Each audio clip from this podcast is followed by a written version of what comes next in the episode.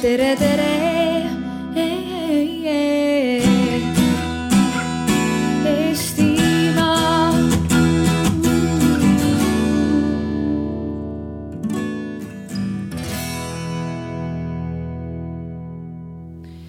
Tervist kõigile äh,. ilm on suurepärane äh,. arutelu ootab ees ja kuna on äh, väga selline oluline teema, sest äh, kõik, mis puudutab lapsi, minu silmis on ülioluline, siis äh,, siis me võiksime tegelikult alustada, et äh, ühtegi minutit mitte kaotsi lasta sellest sellest väärtuslikust arutelust. kõigepealt teen natukene reklaami ühele funktsioonile ähm, kõigil teil on võimalus arutelu kestel, kellel on nutiseadmed kaasas, kohe arvamust avaldada. siin on selline lehekülg nagu lapselevanemad.ee, sealt leiate tänase arutelu eelküsimustiku ja, ja seal on võimalus äh, erinevatele küsimustele vastata ja, ja ka muud arvamust avaldada see aadress on kenasti väljas ka seal posti küljes, nii et kasutage võimalust kindlasti, kellel on midagi soovi öelda või arvata. aga tänase arutelu alguseks tahaks ma lugeda ette ühe sõnumi, mis eile öösel minu Facebooki postkasti potsatas.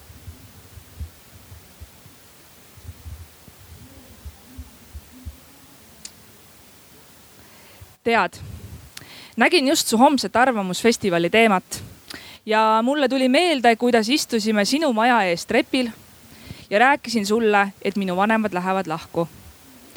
mäletan, et sul oli mingi pruun bees pusa seljas ja megavinged tossud jalas. Ja kuidas me siis seal istusime, olime täiesti nõutud.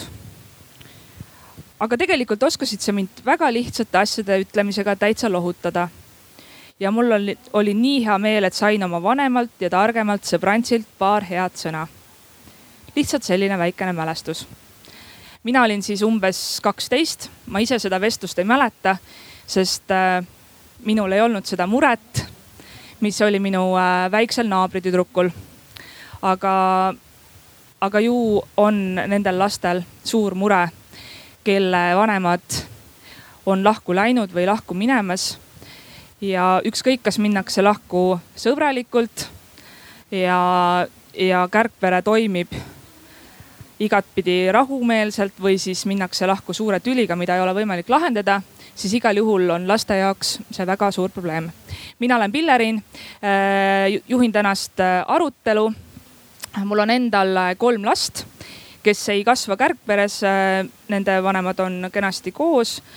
aga samas tunnetan seda muret, sest väga paljud minu tuttavad on erinevate probleemide ees. minu isa on pärit kärgperest ja, ja tegelikult isegi kui äh, mu mees on kolm päeva tööl äh,, tunnetan ma oma kolmeaastaste laste pealt, et nad muutuvad, kaksikute pealt, et nad muutuvad rahutuks. Nad ei ütle, mis neil viga on, aga nende käitumine muutub, ehk siis tegelikult äh, saan ma täiesti kõikide kõikidest nendest muredest aru. aga meil on täna hoopis rääg-, ei räägi täna mitte mina, vaid räägivad meie panelistid täna ja, ja, ja meil on äh, kohal siin äh, alustame sealtpoolt, äh, kutsuja MTÜ äh, Lapsele Vanemad Erki Laaneoks. Erki, ehk tutvustad ennast ka lähemalt ja räägid, miks sa arvad, miks sa siin täna oled? tere päevast ja oleme siin sellepärast, et see teema on ka aktuaalne ja mitte ainult, mitte ainult siis meie MTÜ-s, vaid ka laiemalt ja, ja kui on probleem aktuaalne, siis tuleb selle üle ka arutleda ja väga õige koht on siis äh, täna siin selle üle arutlemiseks. järgmisena meil siin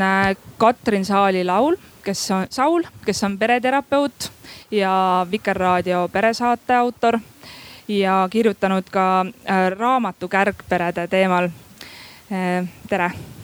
tere Äh, soovid sa veel midagi enda kohta öelda, mis, äh, mis võiks sind iseloomustada, et, et, et sind täna just siia on kutsutud sellele arutelule? Ma arvan, et see on piisav. on piisav? paneme arutelu juurde. väga hästi. Äh, meil on ka siin Rait Kuuse Sotsiaalministeeriumist, kes on siis sotsiaalala asekantsler. tere, tere ka minu poolt. tere! noh, võib-olla sissejuhatuseks ütleks seda, et ega poliitika kujundamise seisukoha pealt on ka sellised nii-öelda teisenenud või uued peremudelid on, on väga keerukad pähklid tegelikult pureda, sest et äh, inimesed peavad hakkama ühtegi tegema natukene teistmoodi valikuid ja, ja riik peab ka hakkama arvestama teiste soovide ja, ja no ütleme nii-öelda siis nõudmistega. et, äh, et siin on, on, mida nagu nii-öelda rääkida ja mida tähele panna. väga tore. ja meil on siin Kristel-Liis Kaunismaa Politsei- ja Piirivalveametist. tere äh kui sa küsid, et miks ma siin olen, siis ilmselt sellepärast ma siin olengi, et äh, ma töötan politseis, ma olen politseis töötanud äh,. ma, ma ise armastan öelda, et lapsest saadik, et äh, peaaegu et oma teadliku tööelu üle kahekümne aasta ja enamus sellest ajast äh, ma olen puutunud kokku lastega, peredega ja, ja kahjuks politseitöö on see, et see, et me puutume kokku just selle halvema poolega, selle keerulisema poolega. Äh, ja ilmselt ähm, läbi selle, ähm, läbi selle on mul hea meel, et ma siin olen ja ma saan kaasa rääkida, arutleda seda, seda poolt, mida, mida meie oma töös näeme. jah, aitäh, et sa tulid. Äh, ma alustaks seda vestlust äh, sellisest just laste vaatenurgast ja siis liigume edasi ja vaatame, kuhu meie arutelu jõuab. Ehm, eh, esimene küsimus ka, millele saavad meie kuulajad. üldse ei kuule? äkki saab kõvemaks keerata Mi...? otse sisse küll, aga ikkagi ma arvan ei. kõvema häälega, veel kõvema häälega. nüüd kuuleb paremini. peab suu lähedal hästi hoida ja öelge kindlasti, kui midagi häirib või kuidagi saab asja paremaks teha, et siis, äh, siis katsume asja parandada ja rääkida siis kõvema häälega näiteks et äh, alustaks just laste vaatenurgast, et, äh, et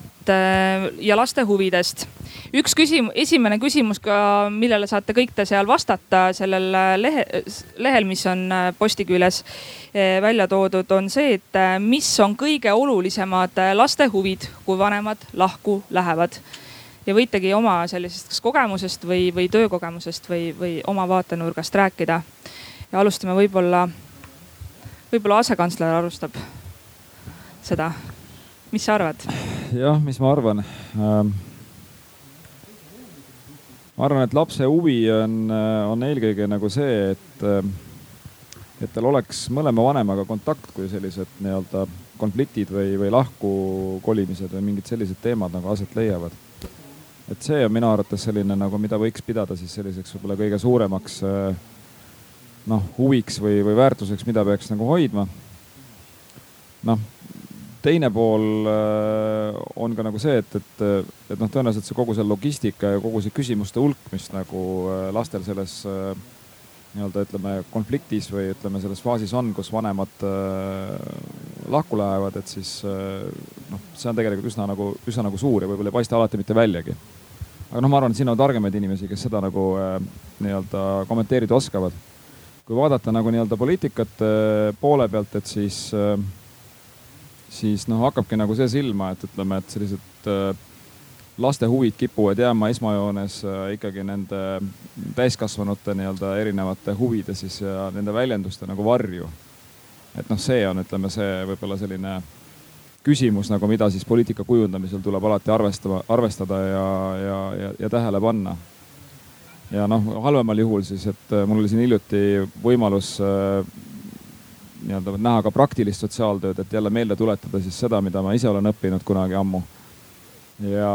ja noh, üks selline nii-öelda juhtumi arutelu, kus siis äh, oli ka ühe alaealise lapse mured äh,. noh, tegelikult olid need vanemate mured minu jaoks Äh,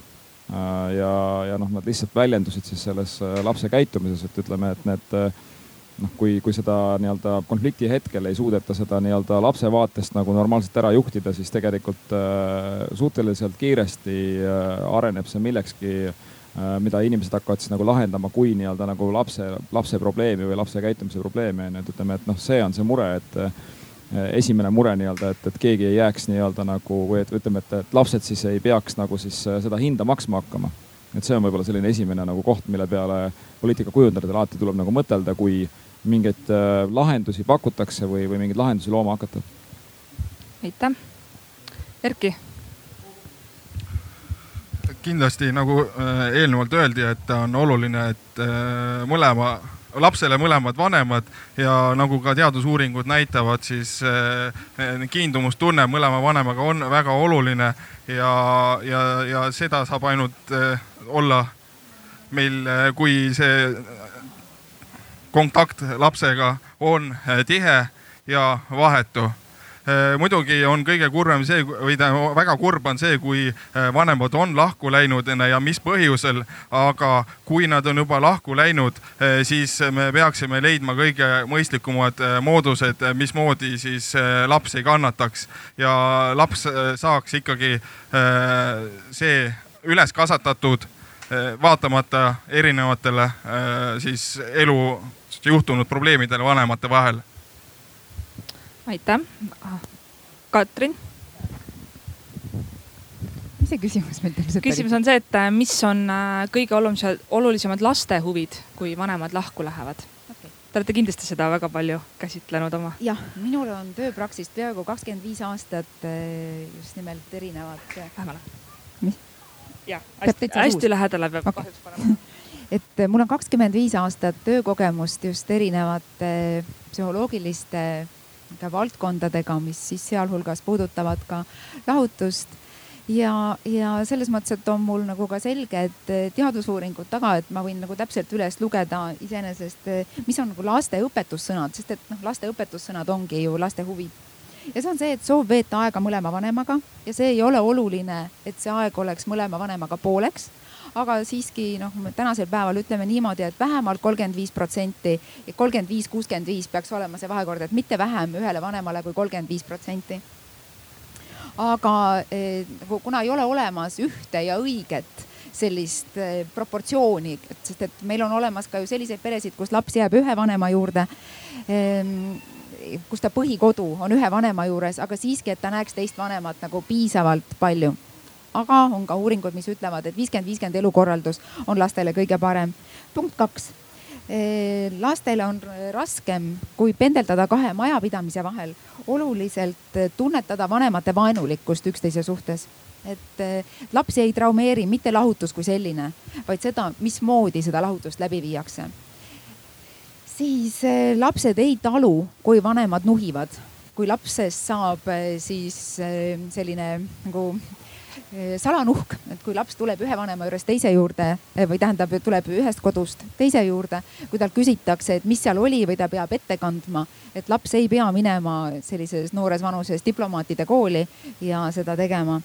siis ei talu lapsed, ehk siis lapse huvides on see, et vanemad ei halvustaks üksteist. kui on nagu eh, anda mingisuguseid soovitusi vanematele, siis ükskõik kui vihane sa oled oma teise partneri suhtes, jah, see partner on sind alt vedanud, ta on võib-olla elukaaslasena kehva, aga see veel ei tähenda, et ta on vanemana kehva. et mitte ühtegi halba sõna teise vanema suhtes. et just äsja ma töötasin ühe paariga, kus, õigemini mitte paariga, aga ühe emaga kellel siis kahjuks suhe lapse isaga oli katki läinud ja nendel oli viieaastane laps ja siis ta oli väga-väga üllatunud, kui ma ütlesin talle, et noh, mitte ühtegi halba sõna, aga kuidas ma siis oma pojast kasvatan nagu tõelise mehe, kui ma ei räägi, milline siga oli tema isa. et noh, et, ma pean talle rääkima, millised sead on mehed ja milline siga siis konkreetne sinu isa antud eksemplarina oli. et noh jah, ma saan aru, naine tahab ventileerida oma seda tunnet ja tal on valus ja neid tundeid tuleb ventileerida ja selle jaoks on sõbrad selle jaoks on psühholoogiateenistus, terapeudid, aga see ei ole ilmasammas, kes tähendab, see laps ei pea olema ilmasammas, kes kannab ära oma vanemate valu. nii et laste huvides on see, et nad ei oleks ilmasambad, et nad ei saaks tugisüsteemiks siis on laste huvides see, et nad ei peaks varjama ühe eh, vanema suhtes oma positiivseid tundeid. laps on viiskümmend, viiskümmend geneetilisest koodist oma mõlemast vanemast ja ükskõik, milline on ka see teine vanem, ta ikkagi tunneb tema suhtes positiivseid tundeid. Ja see on lapsele väga suur karistus, kui ta peab varjama ühe vanema eest. me noh, meil ei ole küll siin mõtet teha nagu stereotüüpselt eh, ema ja isa, aga, aga noh, võtame selle näite, et oletame, et, et ikkagi isa on see, kes on läinud. Tänasel päeval on ka palju vastupidiseid juhtumeid, kus ema läheb, aga oletame, et kui isa läheb, siis et ema on niivõrd kurb ja sellest ei ole suuremat karistust lapsele, kui ta ei tohi näidata välja seda, kui väga ta oma isa armastab, kui väga ta teda igatseb ja kui väga ta tema juurde minna tahab.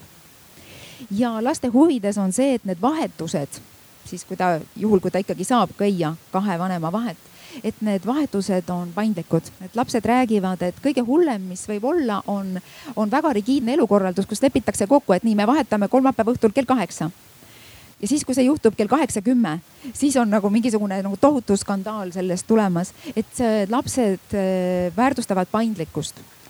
See, et need, isegi kui on olemas mingid kokkulepped, et need oleks nagu inimlikul määral mõistetavad, et kui üks jääb haigeks või, või ühel juhtub midagi, et seal oleks see paindlikkus, mitte näiteks see, et oletame, et, et lapsel on äh, Äh,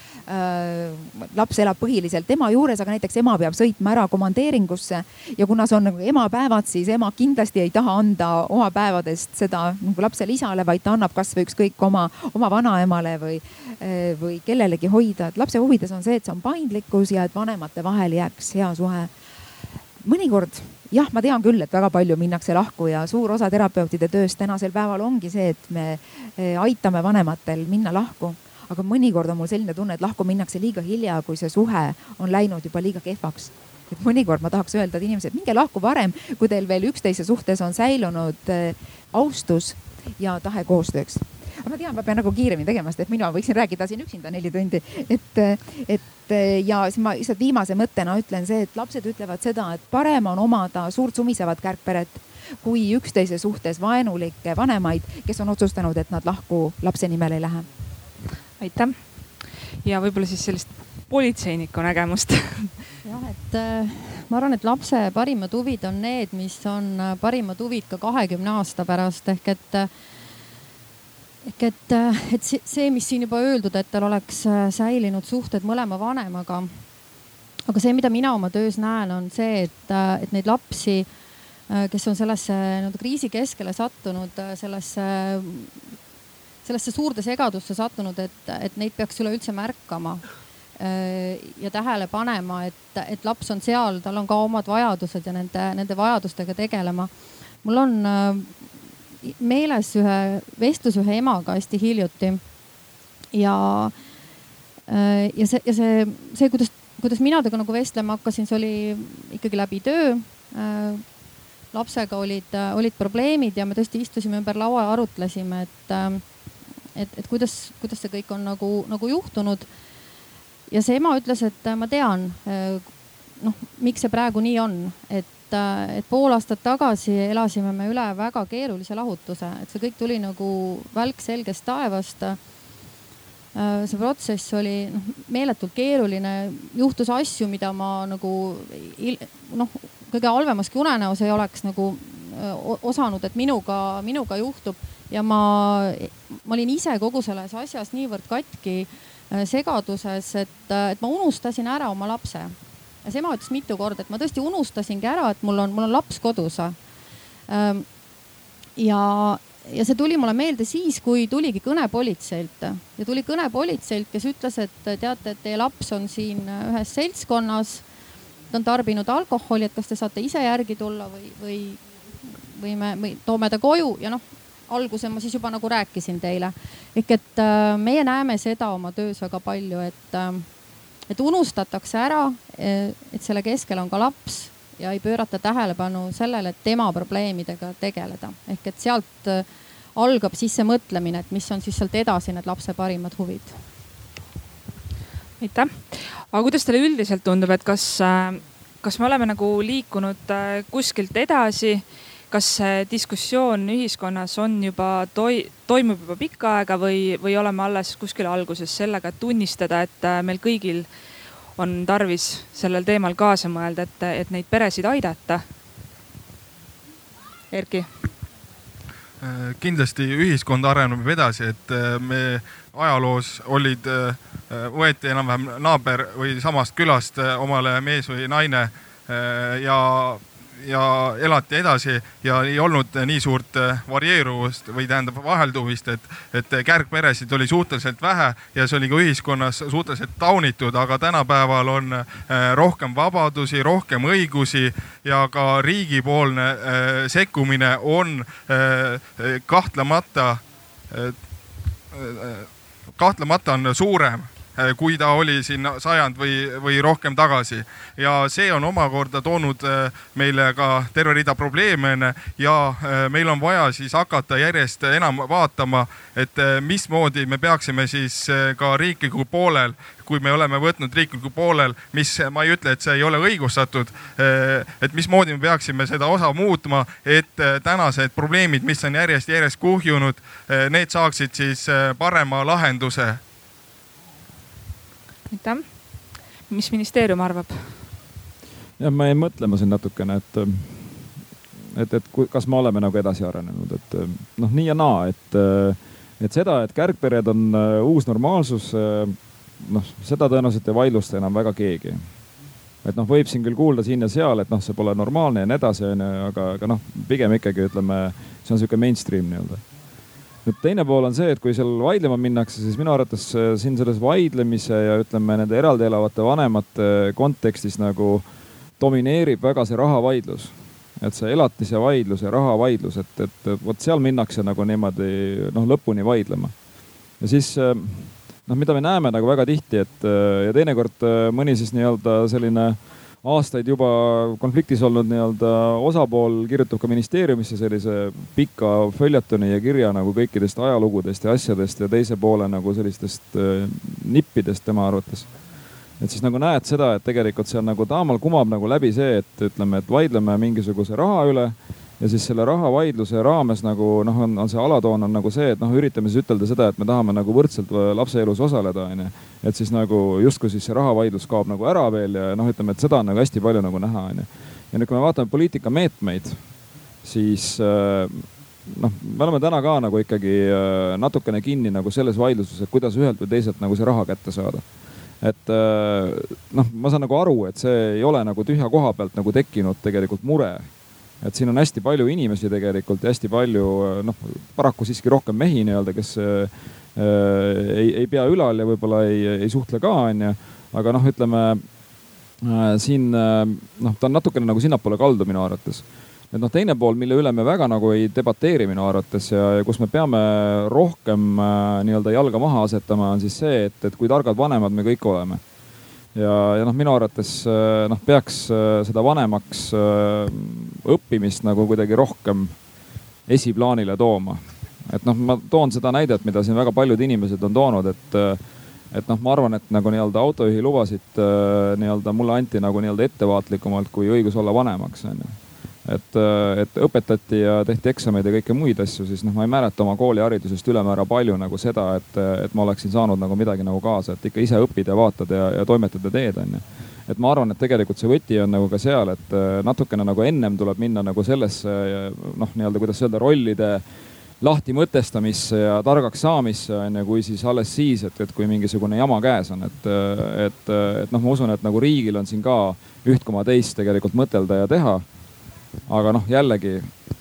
kuskil on see tasakaal ka, et, et noh, kui palju siis nagu riik peab siin nagu mõtlema, et, et mida nagu teha mingite probleemidega on ju, kui palju tegelikult inimesed ise peavad äh, tajuma ja, ja, ja tooma ka nagu, nagu mingit nagu arengut nagu nii-öelda esiplaanile. Et see on nagu see, aga noh, ma tean, ma riskin siin nagu selle, selle võib-olla kriitikaga, et, et noh, tegelikult ega see elatisvõlglaste, võlglaste teema on meil nagu tohutu valus teema riigis on ju, see ei ole nagu vähetähtis teema aga lihtsalt ma ütlen, et, et noh, ühel hetkel nagu võib juhtuda nagu nii, et, et see pendel käib liiga nagu sinna nurka ära ja siis äh, me tegelikult jääme sinna kinni. Mulle meeldib selle juures üks äh, võrdlemisi primitiivne näide, mida üks isa tõi mulle, kes sai, äh, kes ütles, et, et jah, ma tahan seda elatist maksta, aga ma tahaks tegelikult rohkem osaleda ka selles, et kui äh, mu laps läheb neid potaseid ostma, mille jaoks ma raha annan, et ma saaksin seda koos temaga teha. et, et, et oleks, et ka see on nagu elu osa, asjade ostmine näiteks, et see selline praktiline maailm, aga palun. ma lihtsalt tahan eelkõnelejaga hästi nõus olla ja, ja mul on täpselt seesama mõte, et et, et kui nüüd panna see küsimus kokku, et kas me siis ühiskonnas oleme natuke muutunud, kas me räägime neil teemadel ja siis see, et mis saab nendest lahutatud lastest. et kui see küsimus nüüd kokku panna, siis me oleme jah arenenud, et me räägime küll nendel teemadel, aga ma olen, ma hästi nõus olen sellega, et need teemad lähevadki sinna, et kas e-, elatus, elatusvõlgade juurde ja, ja palju vähem pööratakse tähelepanu, palju vähem avalikult räägitakse tõesti sellest, et mis saab nendest lastest, kuidas nende laste käekäik tõepoolest edasi läheb kas, kas ja kes nende lastega tegelevad, missugused on võimalused, et, et meil, et meil see ring ühel hetkel nende lastega elus nagu korduma ei hakkaks, et need lapsed saaksid sellel keerulises etapis nagu abi. et, et selles mõttes ma olen nagu hästi nõus, et see arutelu või see, see debatt ei läheks nagu hästi ühte nurka mulle meeldis teie raamatu tutvustuse juures see, et, et kus oli kirjas, et kärgpere on fakt, et siin ei ole enam mõtet äh, ei ole mõtet äh, rääkida sellest, et see on üks igavene probleemide allikas, vaid lihtsalt tuleb sellega nagu tegeleda, et mis teie arvate? no kui nüüd vastata teie eelmisele küsimusele, et kas me oleme ühiskonnana arenenud, siis muidugi me oleme tohutult arenenud, aeg on lihtsalt või areng on aeglane. sellest ei ole väga palju rohkem kui mõnisada aastat tagasi, kui toimus lahutus, siis lapsed jäid alati isaga siis tuli ajaloos periood, kus lapsed jäid emaga. Ja nüüd on ju uus ajajärk, kus me tegelikult arutame selle üle, et kui lõpeb ära paarisuhe ja paarisuhe saab lõppeda ja jumal tänatud, et paarisuhe saab lõppeda, sest suhe ei peagi olema vangla, kus sa pead istuma oma kaheksateist aastat ära või veel hullem, saad eluaegse selle eest, et tegid nagu kunagi mingisuguse vea. et suhtes peab saama välja, kui seal on kehva, millest ei saa välja, see on vanemlik staatus. et ju visatakse nalja, et on kaks kindlat asja, surm ja maksud. mina lisaksin pereterapeudina, et siin on ka kolmas asi, lapsevanema staatus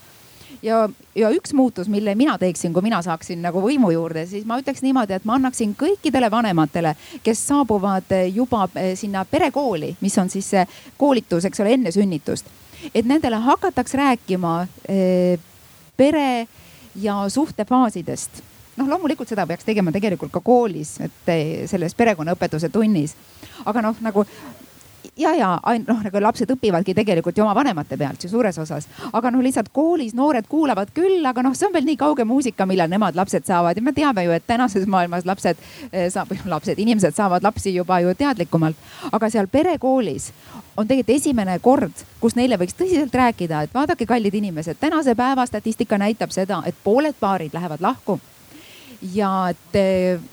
kui me teeme finantsinvesteeringut, siis me, siis me ju suure tõenäosusega isegi keelduksime tegemast finantsinvesteeringut. kui me teaksime et, et viiskümmend protsenti sellest on see, et me kaotame eh, nii investeeringu kui ka kaotame tohutult raha. ometigi perekonda kui avantüüri me läheme sisse aga tänasel päeval on teada et, et viiekümnel protsendil läheb kehvasti ja juba sel hetkel, kui nendel on veel kõik hästi ja nad ootavad oma pisibeebit, võiks neile hakata rääkima, et ja siis, aga te võiksite läbi mõelda ka selle stsenaariumi, et lihtsalt noh, lihtsalt huvi pärast mõttekäiguna, et äh, mis oleks siis, kui te läheksite lahku? Sest et äh, nagu palju kergem on nagu punktiire ühendada omavahel siis, kui perekonnas on suhe hea ja palju keerulisem on seda teha siis, kui nad on emotsionaalsed ja tegelikult äh, see lahutuse hetk on ju seis, kus inimestel, see ei tööta, see prefrontaalne korteks ehk siis ees, ees aju, kus meil toimuvad analüüsivad, sünteesivad eh, protsessid ja kus on huumorimeel, vaid kui on lahutuse protsess, siis inimesed reeglina toimivad siit tagant rooma ja aju seisundist, kus nad kas ründavad, mängivad surnut või põgenevad ja, ja vot seal, kui ja siis, kui nad sealt sünnitusmajast välja tulevad, siis neile võiks anda kaasa sertifikaadi et teid ootab ees kindlasti surm, teid ootavad ees maksud ja nüüd teid ootab ees igavene lapsevanema staatus. ja siin ei ole mitte ühtegi force majeure'i, mis teid tulevikus päästaks. Lähete lahku, palun minge lahku, aga vanemad olete te mõlemad igal juhul edasi. ja vanemaks olemine, see tähendab oma viie ressursi, mis on meie käsutuses. meie käsutuses on meie aeg, meie raha, meie energia, meie mõtted ja meie unistused ja iga lapse nagu inimõigus on saada osa oma vanema kõigist sellest viiest ressursist kogu aegade algusest aegade lõpuni. ja igal lapsel on õigus, oma sünniõigus tunda oma mõlemat vanemat. Ja mis on veel teine moodus oma vanemaga nagu päriselt tuttavaks saada, kui mitte läbi koos oldud aja ja läbi nende jagatud ressursside. ja see raha, rahaline ressurss on ju kõigest ainult üks viiendik sellest osast. et see aeg on ju nii palju enam ja vot nüüd ongi, nüüd on see uus tegelikult see paradigmaatiline muutus, millega me oleme tänasel päeval juba hakanud harjuma, on see, et, et vanemlik liit jääb alati püsima ka siis, kui partnerite liit enam ei püsi ja sellega me toome sisse täiesti uue termini ehk nagu see, et, et meil võib olla ekspartner, aga ei saa olla ekslast, et sa lähed ära ja sul on tema suhtes ainult siis ühest ressursist, sellest rahalisest ressursist kohustused. et ähm, et mina selgelt seda nagu seda eks-, ühesõnaga, kui üldse on mingisugune asi siin ilmas patt, siis on see see, kui sa saad lapse ja, ja sa ei jaga temaga oma viit ressurssi ja ta on taandatud sinna ekslapse positsiooni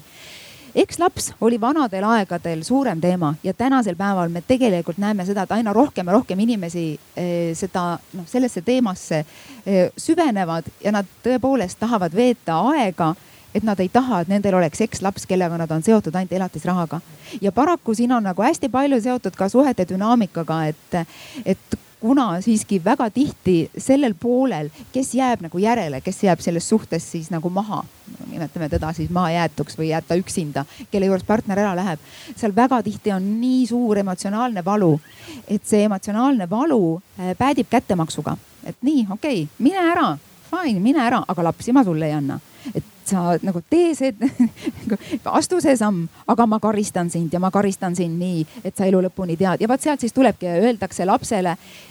üks lause, mida kindlasti mitte kunagi ei tohiks ühelegi lapsele öelda, et sinu isa või sinu ema läks meie juurest ära. reeglina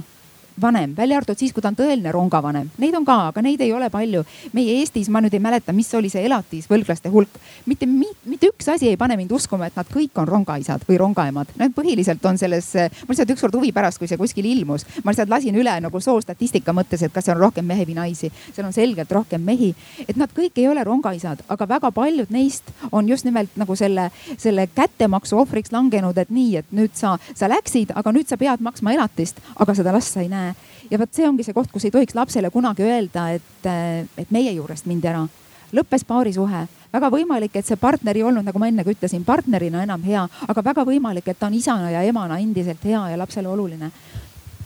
võin siia vahele öelda, et Balti Uuringute Instituudi kahe tuhande kuueteistkümnenda aasta uuringu järgi kahe, kaksteist tuhat lapsevanemat ei äh, täida ametlikult ülalpidamiskohustust ja, ja nendest viiskümmend protsenti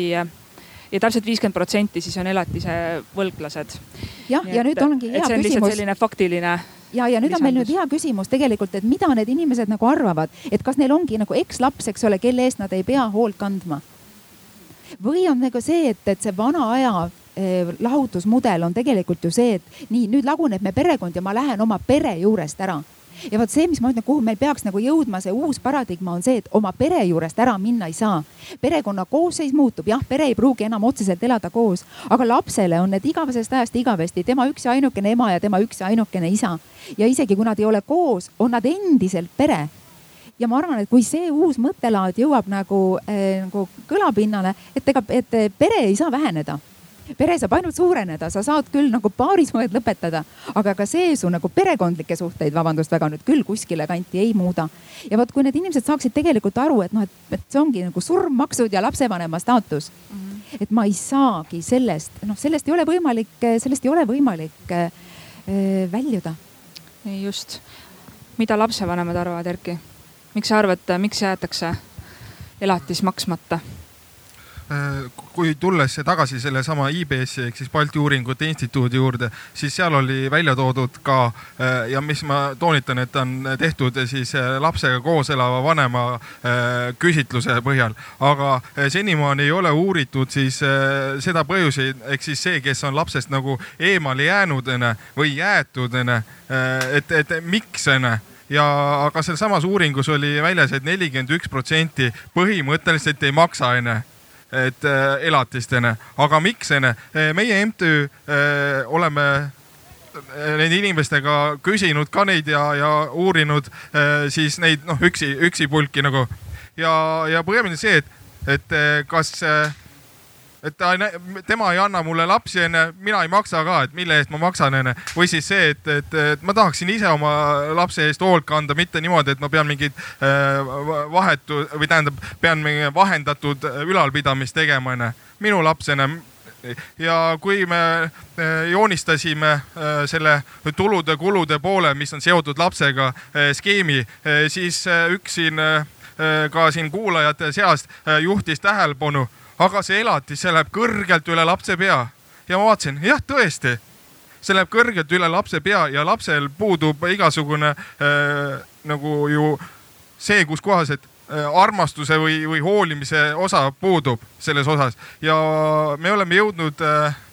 selle tulemuseni, et see, et kui me nagu surume peale elatist, siis tegelikult see on see, mis aitab noh, jutu või aitab siis kaugendada lastena, aga see aitamine on karuteene lapse jaoks. Ja me peame, peaksime igati soodustama seda, et äh, vanemad saaksid äh, vahetult oma lapsi ülal pidada ja seesama, äh, mis siin Katrin Saali välja, Saul välja tõi, et, et see side ei kaoks, et ei tekiks ekslapsed.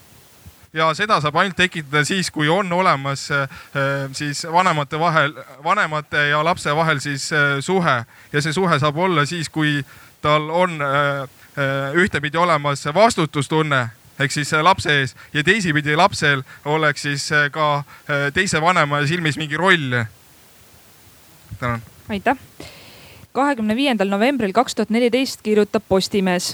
et äh, kohus tunnistas Eesti Vabariigi varaliselt vastutavaks efektiivsete seaduste puudumise eest, mis tagaks kohtuotsuse kiire täitmise ja ka kaevanud, kohtusse kaevanud isale mõistis välja seitse tuhat viissada eurot äh, hüvitist selle eest, et ta on liiga kaua pidanud ootama. mida saab riik ära teha?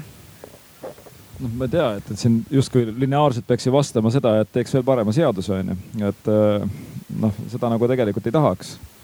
et noh, ma arvan, et äh, noh, me peame vaatama nagu seda, et kuidas äh, võib-olla need kaks konflikti nagu natukene eraldi tõsta. et ehk siis, et üks on see nii-öelda nagu rahavaidlus, et, et kui palju on vaja tegelikult lapsele ülalpidamist ja kuidas seda lahendada. ja teine pool on siis see nii-öelda siis nagu nii-öelda vanemate või ütleme, vanemaks olemise vaidlus, et, et kui palju sa saad ennast vanemana realiseerida et noh, üks, üks selline variant, millele meie oleme natukene nüüd rohkem keskendunud, on siis see, et noh, ütleme siis, et, et, et sellist lepitusmenetlusse suunamist, enne kui need vaidlused nagu äh, kuhugile kulmineeruvad mingisuguse lahendini. ja meil käiks üks väljatöötamiskavatsus ka nii-öelda ringi peal laiemalt ja noh, plaan on ikkagi see, et, et selline lepitus, äh, lepitusse suunamine enne või kohtusse mineku ajal või et, et, et, et toimuks nagu nii-öelda paralleelselt ka ikkagi vanemate puhul siis nii-öelda selline nagu noh, eraldi siis nendevahelise siis selle suhte või, või konflikti klaarimine, et, et, et see võiks olla peaaegu et kohustuslik minu arvates. et ennem ei lähe selle vaidlusega nagu nii-öelda kuhugile sinna nagu nii-öelda edasi ja kaklema, kui ei ole nagu käidud mingi faas nagu läbi niimoodi, et kus saab nii-öelda siis professionaalse asjatundja vahendusel oma teemadest nagu rääkida et, äh, et ma arvan, et see on nagu selline vältimatu, vältimatu suund, mis tuleb nagu ette võtta. ehk siis nagu äh, Katrin ütles, et me hakkaksime, et selle protsessi käigus võiksid inimesed hakata äh, siis tag, aju tagumise osa asemel mõtlema esiosaga ja siis no, võiksime alles hakata vaidlema, et. jah, ajuekspert mina ei ole, et, et, et, et, et siin on targemaid tõesti, aga noh, mis ma ütlen nagu seda, et, et noh, me peame nagu sellest kuidagi ütleme selle konflikti faasist ka nagu nii-öelda nagu välja saama, et need arukad lahendused tõenäoliselt sellises esimeses etapis ei sünni. et ja noh, sealt võib lihtsalt kerida ülesse veel väga palju nagu nii-öelda aastate pikkust sellist nagu nii-öelda jantimist. noh, mida, mida siis jällegi me nagu näeme täna on ju et, et, et seda peab saama nagu maha võtta ja, ja noh, ega tülitsevad inimesed ei pruugi ise nii-öelda sellele teele asuda väga kergesti või kiiresti. ja noh, kui nüüd aus olla, siis noh, me teame ju kõik, et et, äh, et sellistest tülidest tegelikult äh, noh, mida rohkem või kauem see kestab, seda rohkem see laps seal kaotab. et, äh, et noh, nii ta paratamatult ongi ja siis noh, eraldi me, me mõtleme ennem, ennem siin selle peale, kui see arutelu käis, et, et ja ma ei tea, teie tõenäoliselt teate paremini nagu ütelda seda oma kogemusest, et et noh, siin on ka see, et, et kui minnakse lahku, noh siis tõenäoliselt on seal ikka väga pikk eellugu tavaliselt nagu ees nii-öelda, et, et noh, kui palju seal on võimalik üleüldse sellistesse äh, noh, vanemana tunnistamisse ja kui, kui funktsionaalsed need perekonnad on olnud ja nii edasi, kõik see aeg, et, et, et see on nagu oma, omamoodi juba noh, küsimus, et, et, et kuidas sa saad nagu siis nii-öelda sealt nagu minna siis, et, et kuni sinnamaani nagu kuidagi ei saanud hakkama ja siis, kui läheme lahku, onju, et siis, siis järsku oleme kõik nagu, et suudame võrdselt jagada kõiki asju ja läbi arutada ja niimoodi, et noh, ma arvan, et tegelikult sealt juba eelnevast tuleb nii palju nagu taaka kaasa, et, et, et sa jäädki seda nagu sinna lahendust ootama või kuidagi nii on see mõte mul noh, lahku minnakse mõnikord ju väga pikkade vestluste tulemusena, aga mõnikord üleöö, eks ole, et juhtub midagi, kuidagimoodi partner äh, reedab usaldust on ta siis kõrvalsuhtega või kulutas liiga palju raha või, või et nagu lahku minnakse ju põhimõtteliselt nagu kolm asja, et kas on erinevused väärtushinnangutes elustiilides või iseloomuomadustes on sihukest nagu kolm teemat, mis, mis kütab eh, probleeme siis paari suhtes. ja see võib ikkagi mõnikord plahvatada niimoodi üleöö ja sellepärast ma ütlesingi, et tegelikult tark oleks arutada läbi kuna viiekümnel protsendil niikuinii noh, nagu niimoodi kehvasti läheb, see arutada läbi juba enne, kui kõik on hästi, et nii, et juhul, kui me juhtuks lahku minema aga praegu näed, on meil suur armastus, et mis me siis selle lapsega peale hakkaks ja noh, kui seda ei ole vaja. see on praegu... nagu testamendi tegemine. absoluutselt, et me ju teeme, me ju, me ju nagu näiteks mängime ju läbi stsenaariumi, oo ehitan praegu maja, äkki läheb põlema, küll oleks pärast kahju, ostan parem kindlustuse maksan natuke kindlustust, aga näed, kui läheb põlema, siis on kindlustus ja kui ei lähe, on noh nagu tore. et samamoodi võiks ju siis tegelikult arutada ka läbi selle just nimelt sel hetkel, kui inimesed ei ole oma rooma ja ajuseisundis vaid nad on nagu, nagu kained ja tasa, tasakaalukad ja, ja eba, või tähendab mitteemotsionaalsed, et mismoodi me siis seda last eh, nagu siis edasi kasvataks. kuidas me saame korraldada oma tulevikku ka nii, kui me enam ei ole paar, et me oleksime sellele lapsele mõlemad vanemad.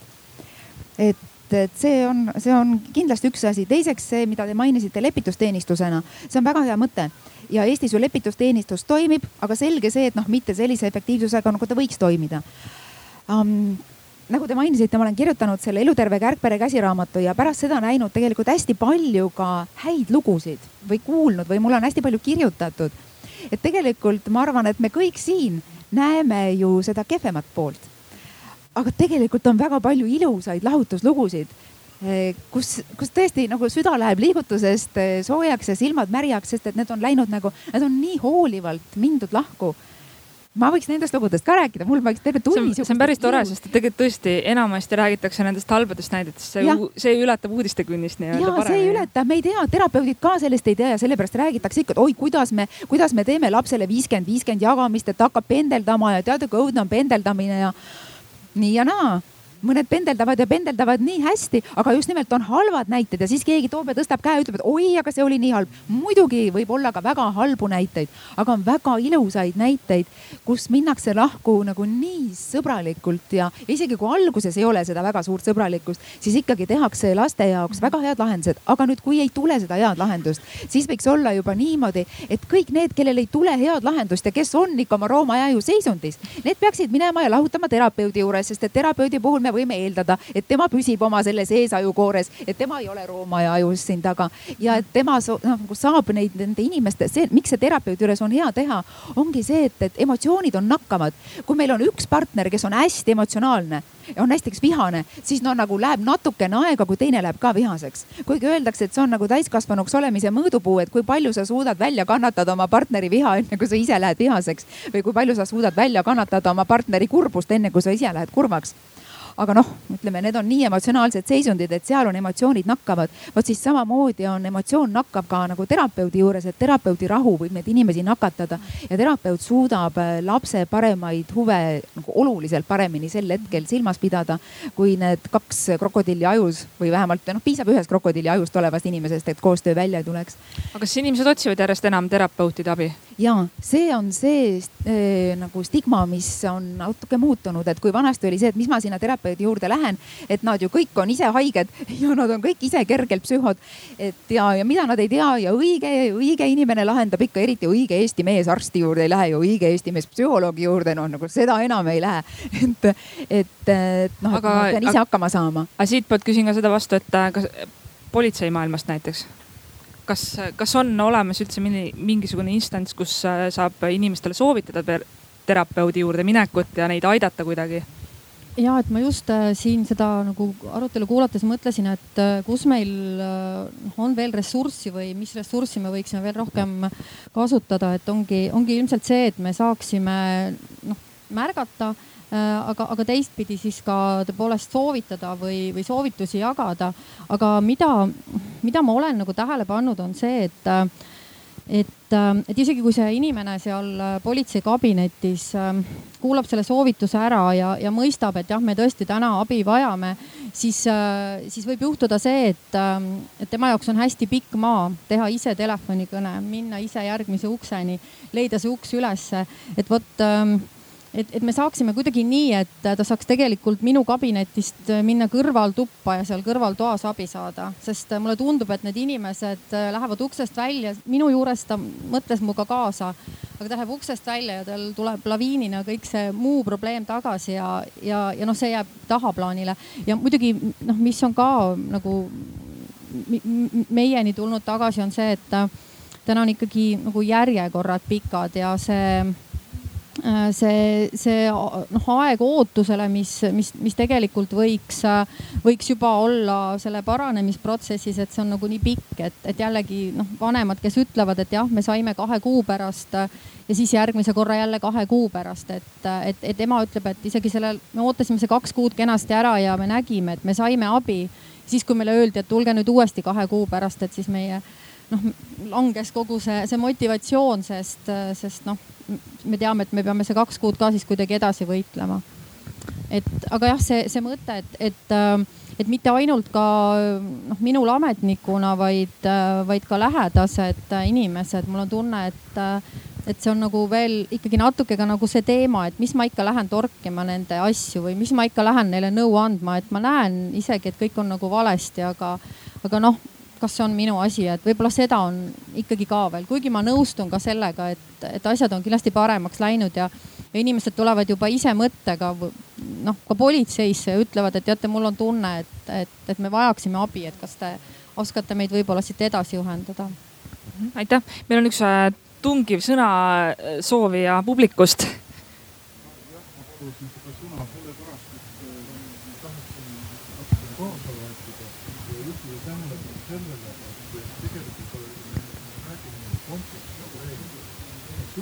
rõõmuga tund, see ei ole mingi lihtne.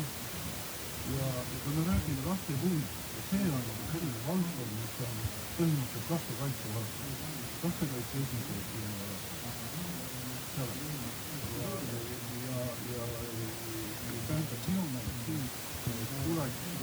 tuleks arvestada üsna paljusid asjaolusid, sealhulgas ka see, seda, et kui ei ole ressursse, siis tegevust ei toimu näiteks needsamad kaksteist tuhat inimest, kes ei maksa oma lastele elatusraha. kui palju on vaja terapeutilist ressurssi, et nad seda maksma hakkavad? mitte administratiivressurssi, aga terapeutilist ressurssi. Kõik need krokodilliajud ja nõnda edasi, et inimesed on tugevate emotsioonide meelevallas, siis on ratsionaalsed otsused ei tee. ja, ja noh, see on muidugi retooriline küsimus, ei ole võimalik Leedu arvestus, aga need mahud on ju tegelikult väga suured. see tähendab omakorda seda, et neid, neid ressursse ei ole kaugu pealt ja kuskilt võtta, võib-olla rahaga bürokraatlik leida kuskil, aga ei ole võimalik välja õpetada nii palju terapeuti ja nõustajaid korraga ole, kui seda siiamaale pole tehtud. nüüd üksikvanemad, noh, statistid tulevad kehvemini toime laste kasvatamisel kui, kui paarides olevad vanemad. see tähendab seda, et ennetavalt võiks ju mõelda niimoodi, et üksikvanemad teenust sinna hulga, hulka käiksid siis abi, hariduslikud meetmed, see on ka koolitöö õpetamine ja, ja siis perekoolis, vanemate koolis ja nõnda edasi. see on jällegi ressurss. aga tähendab, kui mõelda midagi ennetava seisukohalt, siis, siis see paneb selle pildi natukene, muudab seda pilti, mida oleks vaja teha, et oleks vähem üksikvanemaid, et oleks laste huvid kaetud, kuidas kiiresti reageerida.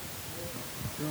üks küsimus on see, et kuidas kasutatakse neid asju, mis on juba, juba nagu seaduses rakendatud, sotsiaalhoolekande seadus, minu teada sätestab seda, et iga keerulisema juhtumisala tuleb koostada juhtumiplaan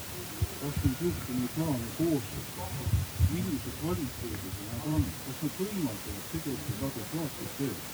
ma olen mõnevõrra selle teemaga kokku puutunud ja ma olen, töötan praegu ühe paariga, kes on läinud lahti viis aastat tagasi.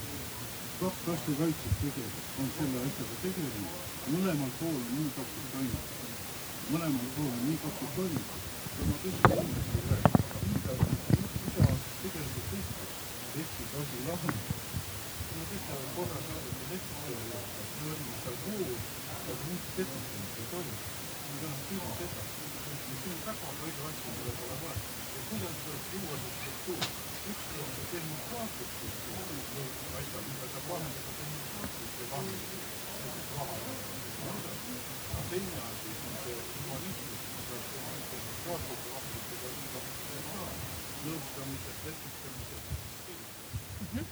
suur tänu väga asjaliku kommentaari eest.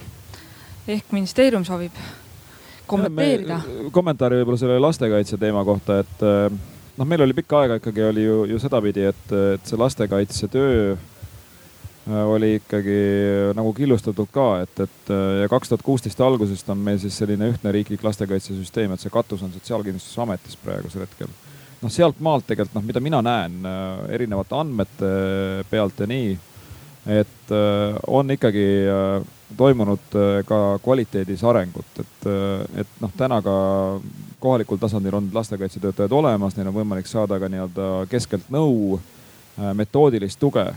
et noh, muidugi on alati erinevaid juhtumeid, erinevaid olukordi, kus seda tuge võib-olla ei ole kohe võtta, kus see tugi võib-olla ei ole alati see, mida oodatakse ja nii edasi, et, et noh, need olukorrad jäävad ikka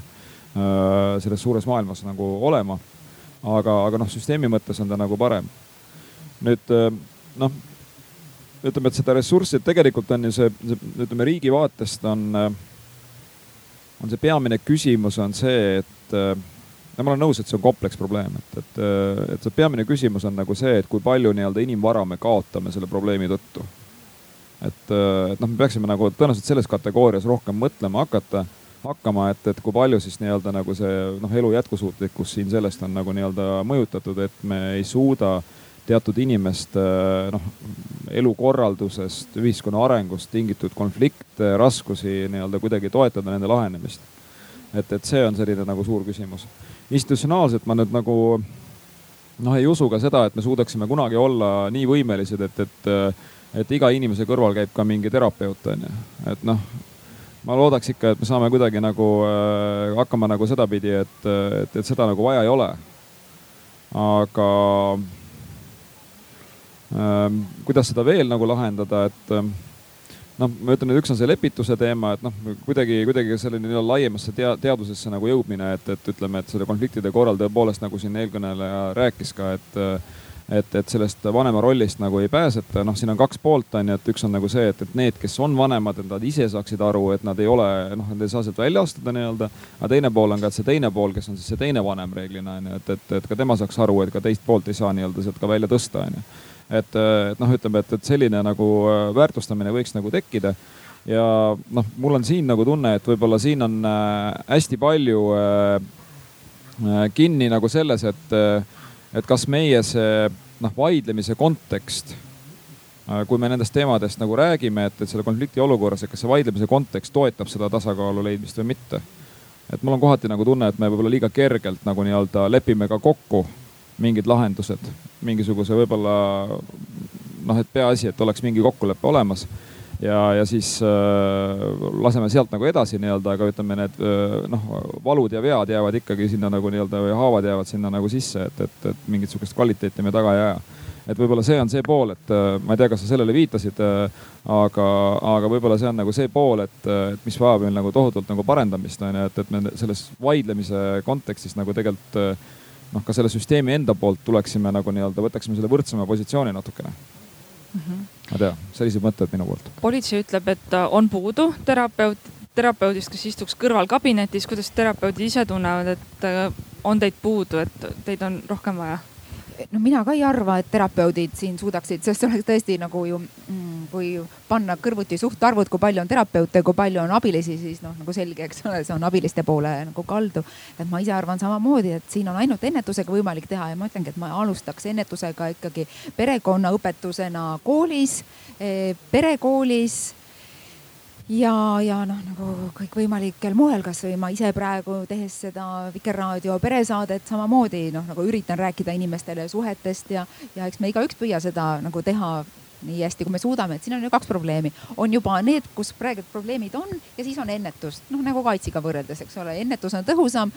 ükskõik mis summad kuuluvad ennetusele või kuluvad ennetusele, on igal juhul hästi kulutatud raha, et peaks tegelema hiljem probleemidega. aga selge see, et alati jääb mingisugune kogus, noh nagu, kes ikkagi neid probleeme eh, tekitab ja nad jäävad. ja, ja ma olen selles mõttes ka nõus, et see lastekaitse, et noh, kõik asjad ei pea jõudma terapeutideni ja terapeutide juures on pikad järjekorrad. et lastekaitse on siin nagu parim eh,, parim ventiil selle vahel ja nii nagu on olemas ma teeks praegu nagu sihukest väikest reklaami ka ühele pereteraapia ühingu projektile, võib-olla osad teist on kuulnud, on see dialoog laste nimel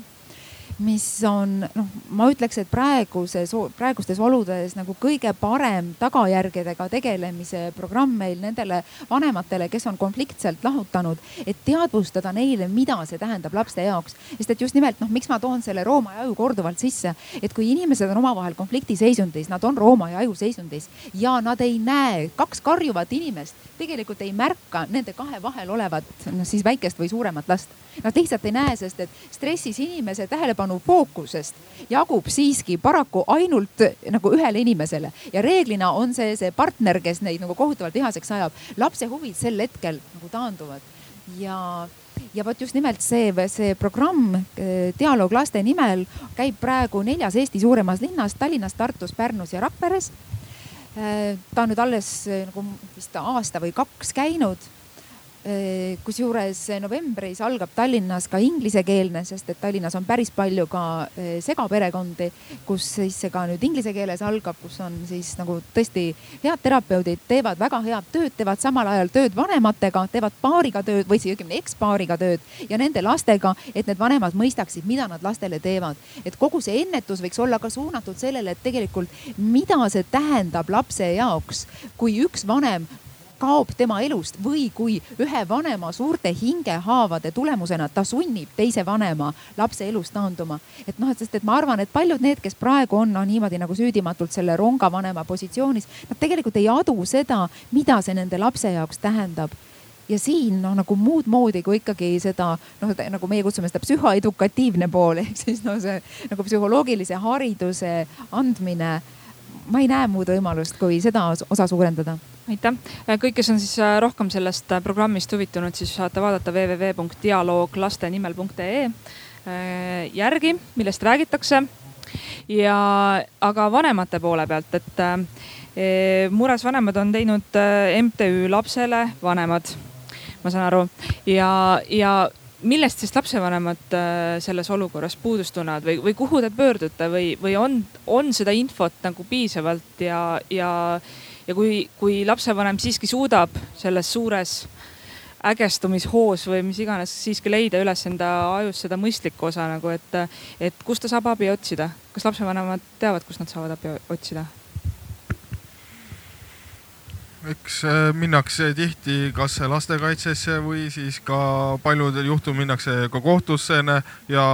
aetakse taga oma õigusi, aga samas äh, nagu siin ka eelnevalt öeldi, et äh, see Rooma aju tuleb peale ja mul on olemas õigused, õigused, õigused. Ja, ja samas unustatakse ära siis lapse siis inimõigus mõlema vanema vahetule hoolele ja armastusele ja, ja see, see on probleem onju ja kas nüüd minna ja kuidas minna nüüd äh, sinna, see on äh, väga noh varieeruv inimeste puhul äh, meie noh kogemustest lähtuvalt. aga me näeme, et selles suhtes seda üldist laiemat süsteemi kui sellist on vaja muuta, et, et oleks see tee kuidagimoodi parem, et lapse huvid oleksid rohkem nagu äh, ülespoole, üles kergitatud ja, ja vanemad saaksid sellest aru. Ja ka sellele on ka viidanud ka juristid, äh, perekonnaseadus eelkõige. On, on äh, terve rida sihukeseid vajakajäämisi ja mis vajaksid korrigeerimist meie arvates ja kui me selle äh, varasemalt ka IBS-i uuringu järgi ehk siis Balti Uuringute Instituudi uuringu järgi tuleme, siis äh, selle uuringu järgi ainult kümme protsenti äh, siis lauselatusvanematest osales aktiivselt regulaarselt laste elus, ainult kümme protsenti. seda on liiga vähe, järelikult on midagi väga viltu ja me peame seda olukorda muutma. tänan aitäh. mõned inimesed on ka juba nädala või natukese rohkema jooksul vastanud nendele küsimustele, mis on seal, seal veebiaadressil, mis on posti küljes näha. ja, ja üks inimene on vastanud sellele küsimusele, et kuidas muuta seadusi selliselt, et, et oleks olukord parem vastanud väga ehm, sõja, pisut sõjakalt siis niimoodi, et seadused on ajast ja arust. Eh, lastekaitsetegevus tuleb tõmmata konkreetselt luubi alla. Need inimesed, kes seal istuvad, ei ole küll huvitatud sellest, et lastel hea oleks. ja professionaalsusest jääb tema silmis siis natukene vähe väheks, et emakeskne lähenemine on olemata olukorrast ja situatsioonist siiski nende missiooniks. kas see on nii või see tegelikult äh, on, on, on nagu täna teistmoodi? Eks inimene istub siin ka, et siis ta saab omale. ja no siis. Äh, vastuse vastuse jah, mul ei ole nagu sellist nagu vastust, mis nüüd ütleks, et võtan need protsendid välja nii-öelda ja ütlen, et äh, vot nii on, nüüd on see ära mõõdetud ja nüüd on niimoodi või teistmoodi onju mis nendes diskussioonides hakkab nagu silma, siis äh, tõepoolest nii-öelda noh, nagu ennem ka siin viidati, siis äh, kuidagi valdavalt nagu probleemid seostuvad meestega. nii, see on nagu selline statistika nüüd nii-öelda, mida me nagu täna nagu näeme. Et seda me noh, vaatame onju. ja, ja, ja noh, selles mõttes noh, võib nagu, võib nagu arvata, et sealt teiselt poolt tuleb ka mingi frustratsioon siis nagu nii-öelda vastu. et, äh, et, et igal asjal on omad, omad põhjused nagu nii-öelda nagu taga. nüüd noh, mida ma üldisemalt vaatan võib-olla ja, ja siin ma natukene lähen jälle poliitika kujundajana võib-olla natuke libedale jääle. et äh, ärge siis väga pahandage. Aga mul on tunne, et nagu sellised äh, noh, meeste nagu nii-öelda soov ja südikus ja võimekus äh, ka oma õiguste eest seista või, või siis ka ise võtta see samm nii-öelda ja, ja lasta ellu ennast rohkem nagu püüda siis nagu nii-öelda jätta, on nagu madalam kui naistel, et siin on hästi palju erinevaid ja noh, võib-olla siin antropoloogid või keegi suudab nagu seda paremini välja tuua nii-öelda, et, et erinevaid nagu jah, põhjuseid on ju nii-öelda allhoovusi. Mis seda tõenäoliselt nagu põhjustavad, aga, aga noh, mida ma nagu näen täna lihtsalt ministeeriumi vaatest on nagu see, et, et me meestest räägime tegelikult ka ise vähe ja, ja, ja noh, me räägime pigem selle probleemi poole pealt, ütleme niimoodi, et statistika toob meile kätte, et meil on seal vot nii palju elatisvõlgnevusi, vot üheksakümmend ja rohkem protsenti on mehed, onju. ja siis me teeme siis, äh, keerame sinna nagu nii-öelda kinni neid kalapüügiõigusi ja mingeid selliseid asju, onju nii-öelda. et noh, et, et äkki siis sealt nagu saame selle elatise probleemi lahendatud et noh, seda on nagu tegelikult retoorikas ja ütleme siis mõtlemises nagu suhteliselt palju, nii et noh, ma ei julge väita et see süsteem on äh, nii-öelda naiste poole kaldu, nagu siis see konkreetne inimene nagu niimoodi ütles. aga ma ei julge seda ka noh ümber lükata, et see alati nii ei ole. et, et mingitel juhtumitel siis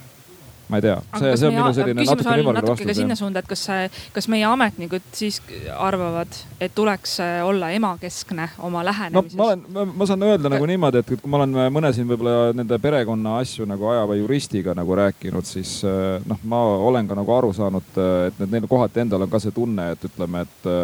et, et natukene võib-olla rohkem nagu aktsepteeritakse seda, et, et laps on näiteks noh, naisega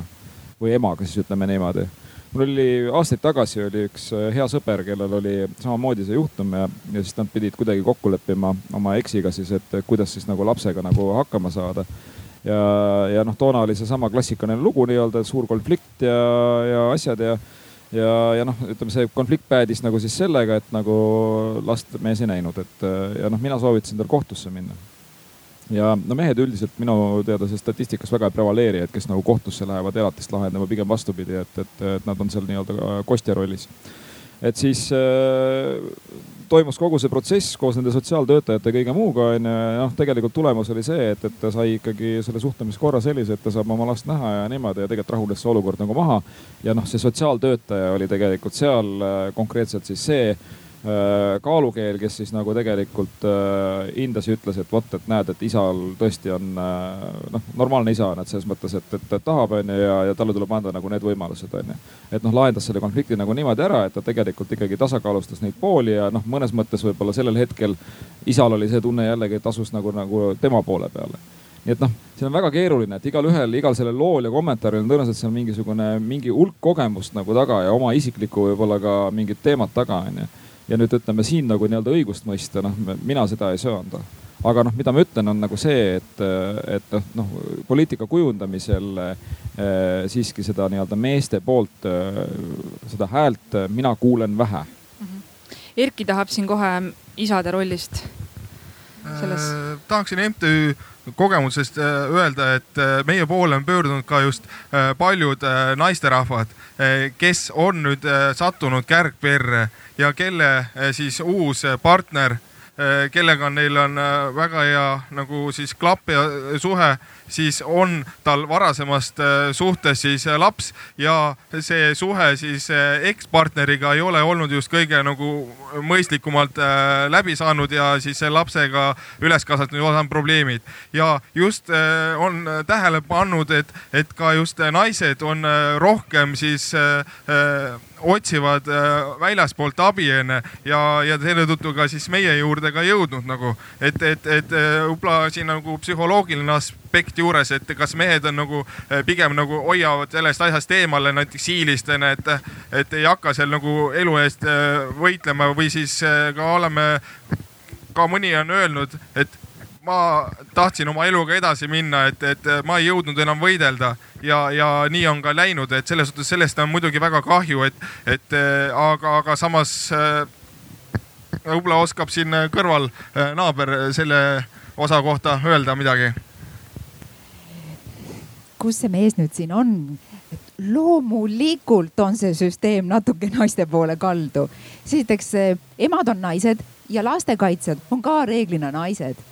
ja ikkagi sihukest kokkukuulumist nende, nende vahel noh nagu paratamatult on. samastuda on lihtsam lihtsalt. muidugi, teiseks naised on alati oluliselt emotsionaalsemad, kuigi me tahame öelda, et me oleme nagu täitsa võrdsed ja kõik ja puha. no naised on siiski emotsionaalsemad selles protsessis ja nagu ma ütlesin, paradigmad muutuvad, et veel mõnisada aastat tagasi jäeti lapsed meestele ja nüüd alles oli tegelikult see aeg, kus eh, lapsed jäeti emadele ja alles see on praegu täiesti uus aeg, need on alles viimased paarkümmend aastat, kus me räägime jagatud hooldusest ja, ja nagu ma, ma ütlesin ka, et, et varem oli ju see aeg, et, et valdavalt läksid perede juures siiski ära isad. see tänasel päeval nüüd on, on muutunud. ja kui nüüd isad läksid perede juurest ära, siis väga tihti nad mõtlesidki nii, ma lähen ära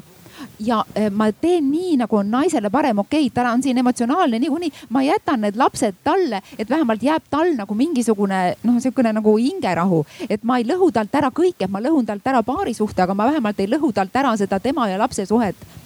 ja äh, ühesõnaga kakskümmend viis aastat oma kabinetis on mulle ikka õpetanud nii mõndagi, et nagu näinud mehi, siis on mõnikord see, et kui mehed ei tea, mida teha, siis nad mõnikord ei tee mitte midagi. ja, ja, ja see on nagu viinud väga paljud mehed selleni tõesti, et kuna see naine on nii emotsionaalne, ütleb, et ma suren, kui sa mult lapsed võtad või, või et noh, et see on nagu nii õudne, et nad näevad, et kui, mm, kui, kui nagu lapsed ja ema on tegelikult hästi sümbiootiliselt seotud ju, kui nad on väga väiksed, aga tegelikult see sümbioos kestab nagu palju kauem, kui see sümbiootiline side on, et väga paljudel naistel on ju see, et noh, et eh, see, mis on normaalne, et meil tulid hambad ja meil on täna kõht lahti ja, ja, ja mis meil kõik on, me täna ei maganud hästi, aga väga paljudel naistel on ju ka see, et me läksime kooli ja, ja me läksime juba ülikooligi, et noh, see seotus lapsega on nii suur, sest et kui seda emotsionaalset seotust omaenda partneriga pole, siis sa paratamatult teed selle eh, seotuse oma lapsega. ja nüüd, eks ole, kui see mees nüüd sealt on nagu lahkunud, siis eh, tal on mõnikord lihtsalt, ta mõtlebki, et ta on parem isa, kui ta lahkub niimoodi, et ta jätab naise ja lapse siiski nagu tervikuna. ja nüüd on, need on ikkagi täiesti uue aja lood, kui me räägime sellest, et see on see jagatud, et laps käib seda eh, noh, halvas mõttes pendeldamist eh, mina ütleks, et see pendeldamine ei ole nii hull, et palju hullem sellest pendeldamisest on see, kui sa kaotad ühe vanema ja seda meile jälle teadusuuringud, kes nüüd nagu on huvitatud, ma võin neid huvi, uuringuid nagu refereerida et need on uue aja lood ja, ja nagu, eks ole, see areng käib pikkamisi ja kuni see jõuab alles rahvateadvusesse, et tõesti isal on, isa on täpselt sama oluline nagu nuga ja kahvel on täiesti erinevad, aga täiesti asendamatud. vot niisamuti ema ja isa on mõlemad täiesti erinevad, aga täiesti asendamatud, sest et samast soost vanem on lapsele rolli eeskuju teisest soost vanem on tema esimene vastassoost partner. seega nagu igaüks meist vajab noh, nagu ema ja isa ja, ja aga need on kuidagi teadmised, mis ühest küljest on nagu nendele inimestele, kes on psühholoogiast rohkem huvitatud, on see nii elementaarsed teadmised, et nagu tahad elada hinga. aga teistele on need kuidagi täiesti uued teadmised et mis tuleb alles nagu viia ja öelda, et kui oluline see lapsele on. Rait tahab kommenteerida. väga hea sõnavõtt ja ma jäin korraks nagu mõtlema, et, et noh, ma otsin mingit faktoloogilist nii-öelda nagu tõestust, et kust nagu süsteem võiks ka kaldu olla nii-öelda, et ja no üks koht on tegelikult, et meie need erinevad poliitikameetmed tegelikult, kui me teeme ka midagi automaatsemaks ja paremaks ja nii edasi, me seome ikkagi lapse emaga ära. Et äh, noh, ta võib olla nagu see, et, et ta ei ole nagu tähtis, et selles mõttes, et ta on nagu sihuke mingi väike nüanss on ju, et näiteks noh, et a la, et, et äh, kuidas tekib lapsele perearst on ju, et noh a priori tekib see ema perearsti juurde on ju. Noh, pere ei pruugi olla seal koos on ju, noh mingid sellised asjad nii-öelda, kui makstakse lapse eest peretoetust näiteks äh, ühele vanemale, reeglina on see ema, siis äh, kui sünnib järgmine laps, makstakse seda automaatselt äh, sellele samale vanemale ja noh, ütleme, et ja nii edasi ja nii edasi ja nii edasi, et tegelikult need automaatmehhanismid, mis taustal töötavad poliitika vaatest on ju nii-öelda, nad teevad automaatselt valiku tegelikult sinnapoole. et noh siin võib nagu tegelikult debatti pidada selle üle, et kas see peaks olema kuidagi teisiti või mitte. siin tekib noh, selle ütleme bürokraatia lihtsus tuleb ka nagu mängu nii-öelda, et, et riik korraldab ikka nagu optimaalselt asju ära, nii palju kui tal teadmist on ja tarkust on ja, ja noh, siin tehakse neid valikuid, et ütleme, et me ei peaks siin ülemäära nagu nii-öelda ka haldusaparaati üle, üle koormama. aga noh, kui me vaatame seda nii-öelda programmeeritust on ju nii-öelda, et, et siis noh noh, öeldakse seda ka, et, et äh, arvuti programmeerimine on ka sootundlik, et, äh, et, et äh, sõltub, millisest rassist, soost ja nii edasi inimene midagi programmeerib, siis ta noh, kipub olema nagu mingi sektor võib-olla ka sinnapoole kaldu, et millest nagu vähe räägitakse, aga ütleme, seal on need nii-öelda mõjutused nagu sees olemas, et, et võib-olla ka meie süsteemid on natukene disainitud nagu seda suhet rohkem tunnustama, noh no muidugi, eks ole, ikkagi noh, nagu ema sünnitab ja kui ema ja laps kuuluvad kokku ja, ja, ja pärast pokki meil on ju tekkinud eh, see, et kiindumussuhtest räägitakse palju ja ikkagi see, et, et lapse esmane kiindumussuhe on tema emaga kõigega sellega me oleme nõus, aga tänase päeva kiindumussuhte uurijad ütlevad, et lapse kiindumussuhte, kiindumussuhe isaga on täpselt sama oluline, et need on lihtsalt erinevad. Ja tänases maailmas me teame, et lapsele on, mida rohkem kiindumussuhteid, seda parem. et see ei pea olema see ainult üks, aga need, see on jälle selle mõnikümmend aastat tagasi, kui me rääkisime sellest, et lapse põhiline kiindumussuhe on emaga. Ja kui seda veel noh, nagu liiga palju isa näiteks, et kui isa läheb ära, et siis kui laps hakkab ka isa juures käima, et see segab seda kiindumusuhte arengut suisa. Õnneks need teadmised on tänasel päeval juba teised, need on nüüd kõrvale lükatud praegu. kas sellest räägitakse ka koolides, kas sellest räägitakse perekonnaõpetuse tunnis? E, mu küsimus tekib sellelt pinnalt, et ise noore lapsevanemana olen ma algusest peale teinud teadliku valiku, et mõlema vanemaga tuleb seda kiindumissuhet tekitada, see on suurepäraselt meil õnnestunud, et aga, aga ma ei tea, kust see mul tuleb sest ma tean, et minu isa rääkis mulle, tema on nagu esimene ja siis tuleb alles isa, eks ju. no see tuleb vanadest aegadest, kus naine opereeris kolmnurgas kinder kühe kirhe ja, ja mees läks tööle ja teenis raha. Ja ega see noh, nagu tänasel päeval nagu kirhe on, eks ole, vähenenud. Küühet on ka õnneks vähendatud meil tänu pesumasina leiutamisele seegi pole väga pikk leiutis või väga pika ajalooga leiutis. et, et noh, mehed olid ikkagi rohkem tööl ja lastega kodus, nii et noh, selge see, kust see tuleb, et laps ja ema on koos. aga siiski me tänasel päeval noh, nagu igal pool juba räägitakse sellest, aga kas sellest ka räägitakse nagu koolidest, vot seda ma ei tea, ma ei ole kooli nagu ise koolispetsialist, aga ma arvan, et kindlasti peaks rääkima sellest kiindumussuhte olulisusest. Erki jah, nagu ka Katrini raamatus oli viide siis äh, Vartšaki äh, ühele suuremale uuringule, mis siis käsitles just väikelaste siis noh osaline, et kas, kas on mõlemad vanemad oluline. Ja seal oli välja toodud selles samas äh, teadusuuringus äh, ka äh, kas kuuekümne üheksandal või ütleme seitsmekümnendatel aastal ka koht, kus kohas loeti oluliseks seda, et, et, et lapse jaoks on oluline, et areneks välja siis ühe vanemaga kiindumussuhe ja see on nagu siis mingisugune alus, mille peal ta saaks siis luua siis teistsugust seda uut kiindumussuhet. Aga hilisemad uuringud uuringud äh, on järjest ja järjest seda asja üle lükanud ja ka tegelikult seesama teadlane, kes selle, äh, seda uuringut tegi, see hiljem ka nagu on taganenud oma sellest äh, uuringust ja, ja aga, aga see on jäänud täna on, täna on veel see vana koolkond, kes, kes seda veel vana järgi noh, lähtub onju et, et on vaja üks nagu üles ehitada, siis selle pealt saame teist üles ehitada ja mul on noh, hea meel et, et see on muutumas ja ka siis meie MTÜ kodulehel on olemas ka jagatud vanemlus ja need toodud põhimõtted ja mida on järjest hakanud siis levima. Ja ka Eestis on mõningad ka kohtujuhtumid, kus kohas see jagatud vanemluse osa on sisse toodud ja, ja selle raames on, ma arvan, et palju paremini saanud siis laste huvid kaetud ja ma arvan, need lapsed, kes on kasvanud üles siis jagatud vanemluse osas, kus me eeldame, et üldjuhul ei ole vanemad eh, siis eh, kuidagimoodi pahatahtlikud, vägivaldsed ja nii edasi, siis äh, ei ole mitte ühtegi nagu põhjust, miks seda siis mitte teostada. ja sellesamas Varsjaki uuringus oli sada kümme teadlast, see on konsensusuuring, et on käsitlenud ja, ja selle tulemuseni jõudnud Eh, pealtnägijas eh, rääkis Tallinna alaealiste kampadest, kes peksavad ja röövivad suvalisi isikuid ning seal toodi siis välja, et enamik nendest on eh, lõhkistest perekondadest, et mis on politsei nägemus selles, et, et kuidas me saaksime aidata neid lapsi siis, kes niimoodi väljendavad oma viha kuskil mujal? mul on üks niisugune lugu. me oleme sihuke lugude organisatsioon, et, et jällegi ühe emaga emaga jutust. Äh, ja, ja läbi selle, et äh, ka teismeline poiss oli ka sihukeses kambas ja, ja panid seal toime siis erinevaid tegusid, et, et äh, algas sellest, et ta ei käinud koolis. sealt tekkisid konfliktid ja, ja siis jällegi minu kokkupuude oli peale ühte sellist tormist ööd, kus nad oma kambaga olid siis aknaid lõhkunud ja, ja sodinud siis seal Äh, teiste inimeste vara. ja see ema rääkis mulle niisuguse loo, et teate, et mul on äh, tegelikult väga tore teismeline, et äh, ta aitab mind kodus. ta ei vaidle mulle kunagi vastu aitab noorema vennaga, aga meie peres on niisugune lugu, et isa töötas aastaid Soomes ja ühel hetkel ta nagu jäigi sinna Soome teise pere juurde. ja, ja ta maksab meile raha, sellega on nagu kõik hästi aga poiss äh, iga kord muutub täiesti pööraseks, kui isa annab jälle lubaduse, et ta võtab poisi enda juurde sinna Soome äh, külla äh,. ja siis ta seda lubadust ei täida või et, äh, või et ta annab lubaduse, et ta tuleb nüüd Eestisse käima ja nad saavad kokku ja nad teevad koos midagi toredat, aga ta seda lubadust ei täida. et äh, jah, me näeme oma töös äh, hästi palju neid äh, lugusid, kus, äh, kus need purunenud peredest lapsed, tegelikult on ju küsimus selles, et lapsed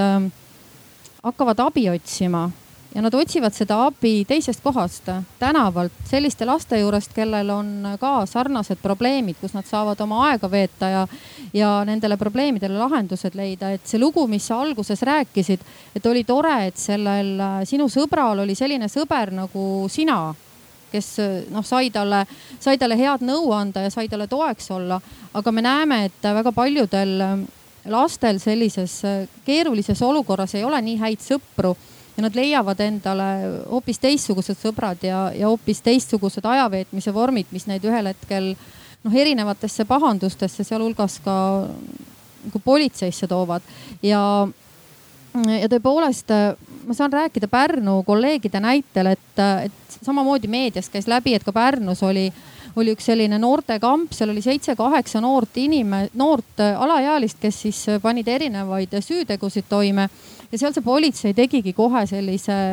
väikese nagu monitooringu nende laste hulgas, et, et tuligi välja, et äh, kõik need lapsed, kes seal selles kambas olid, need kõik olid pealt näinud, kas siis oma vanemate vahelist äh, vägivalda, olid nad näinud pealt seda, kui vanemad on nende vendade-õdede suhtes vägivaldsed ja olid äh, pealt siis näinud selliseid keerulisi lahutusi. Et mida, mida me ka kahjuks oma töös näeme, millest on siin täna ka nagu räägitud Äh, mitmes vorm, formaadis on see, kuidas ikkagi lastega manipuleeritakse. et, ähm, et meil on neid lugusid, kus vanemad tulevad politseisse ja lapsele on pandud sõnad suhu, kuidas teise vanema peale valetada ja väga raskeid süütegusid siis nii-öelda teisele vanemale välja mõelda, kuni siis seksuaalse väärkohtlemiseni välja et me näeme seda, kuidas vanemad lapsega manipuleerida, manipuleerides õpetavad lapse välja selleks, et ta tegelikult lähebki terve läbi oma elu manipuleerima oma õpetajaga, oma kaaslastega, oma, oma treeneritega. nii et, et me kahjuks jah näeme selliseid, selliseid lugusid oma töös väga palju. publikust on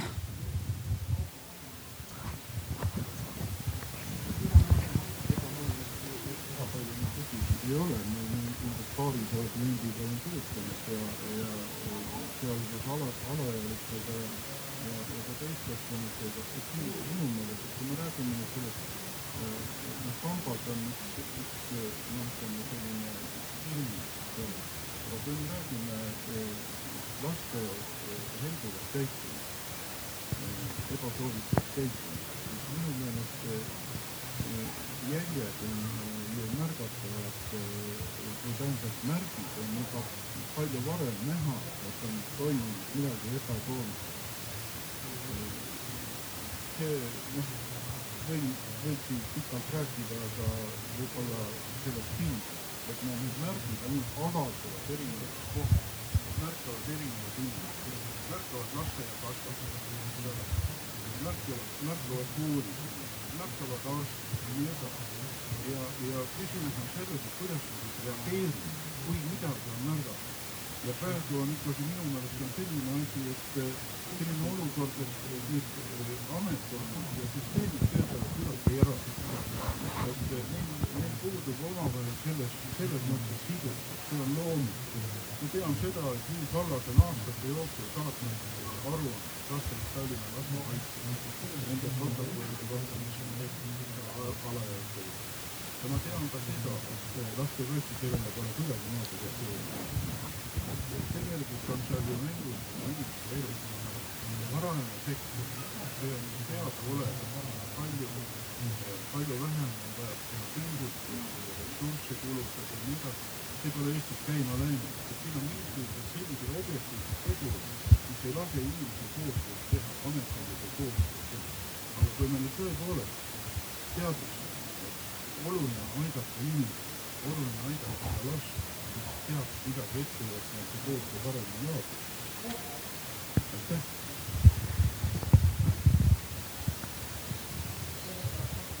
keegi soovib kommenteerida? ma saan võib-olla politsei poolt seda täna öelda, et me oleme oma seadusemuudatuses äh,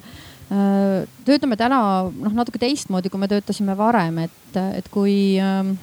võib-olla mõned ajad tagasi oli prioriteediks see tegu, mida laps tegi, siis täna on prioriteediks välja selgitada, et miks ta seda teeb, miks ta neid, miks ta selliseid tegusid nagu toime paneb. Et ja see on oluline ka, et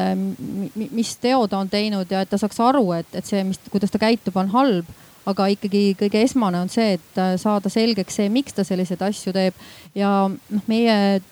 me teeme igapäevaselt äh, tõesti koostööd lastekaitsega, mina nende eest sellele kriitikale kindlasti täna nagu vastata ei saa. mida ma saan võib-olla öelda jällegi, et kus on üks ressurss, et siin on terapeut ja noh, väga-väga hästi on ju tegelikult räägitud, et äh, mis toimub eesajus ja tagaajus ja seda on noh, minu meelest, minu meelest väga-väga hästi on, on see siin nagu välja tulnud, et, et kui keerulised on tegelikult äh, see, kuidas need inimesed üldse mõistavad, saavad aru sellest, mida ametnik, üks ametnik räägib, teine ametnik räägib. et mul on jällegi tunne, et võib-olla see ressurss on seal, et me peaksime püüdma rohkem äh, seda selgitustööd teha, rohkem nende inimestega rääkima, et see ei ole tõesti see, et linnuke ja räägitud ja ja küllap ta sai aru, see inimene ei saa iialgi aru äh, sellest, nii nagu mina sellest asjast aru saan, et ma pean talle veel kord rääkima, veel kord rääkima eriti peab selgitama ja, ja ja mina ametnikuna pean aru saama, et laps on minust aru saanud, et, et, et seda kindlasti on meil ka täna päris palju, et me justkui teeme linnukese pärast, et ma olen nüüd selle, selle oma kohustusliku jutu talle ära rääkinud, et küllap ta läks uksest välja ja sai aru, et, et siin on kindlasti noh, koht, mida me saame nagu, nagu paremaks teha ja kõik ametnikud, et, et see inimene noh, minu juurest ära minnes, et, et ta oleks aru saanud sellest, et mis ma talle rääkisin, mis on tema võimalused ja, ja noh, nii edasi. mina ütleks selle peale veel nii, et politseil oleks oluliselt vähem tööd, eks ole, kui eh, oleks rohkem isasid nende laste elujoone peal. sest väga paljudel nendel lastel just nimelt on ju isad kuskil perifeerias. ja loomulikult ma ei taha siin astuda praegu nagu eh,, nagu meeste rünnakule, et noh, miks nad sealt kaovad, et siin tuleb ka naistel endale otsa vaadata, et, et väga tihti on ikkagi see, et, et need, et emad teevad ise siin eh, karuteene oma lastele justkui nagu tahtes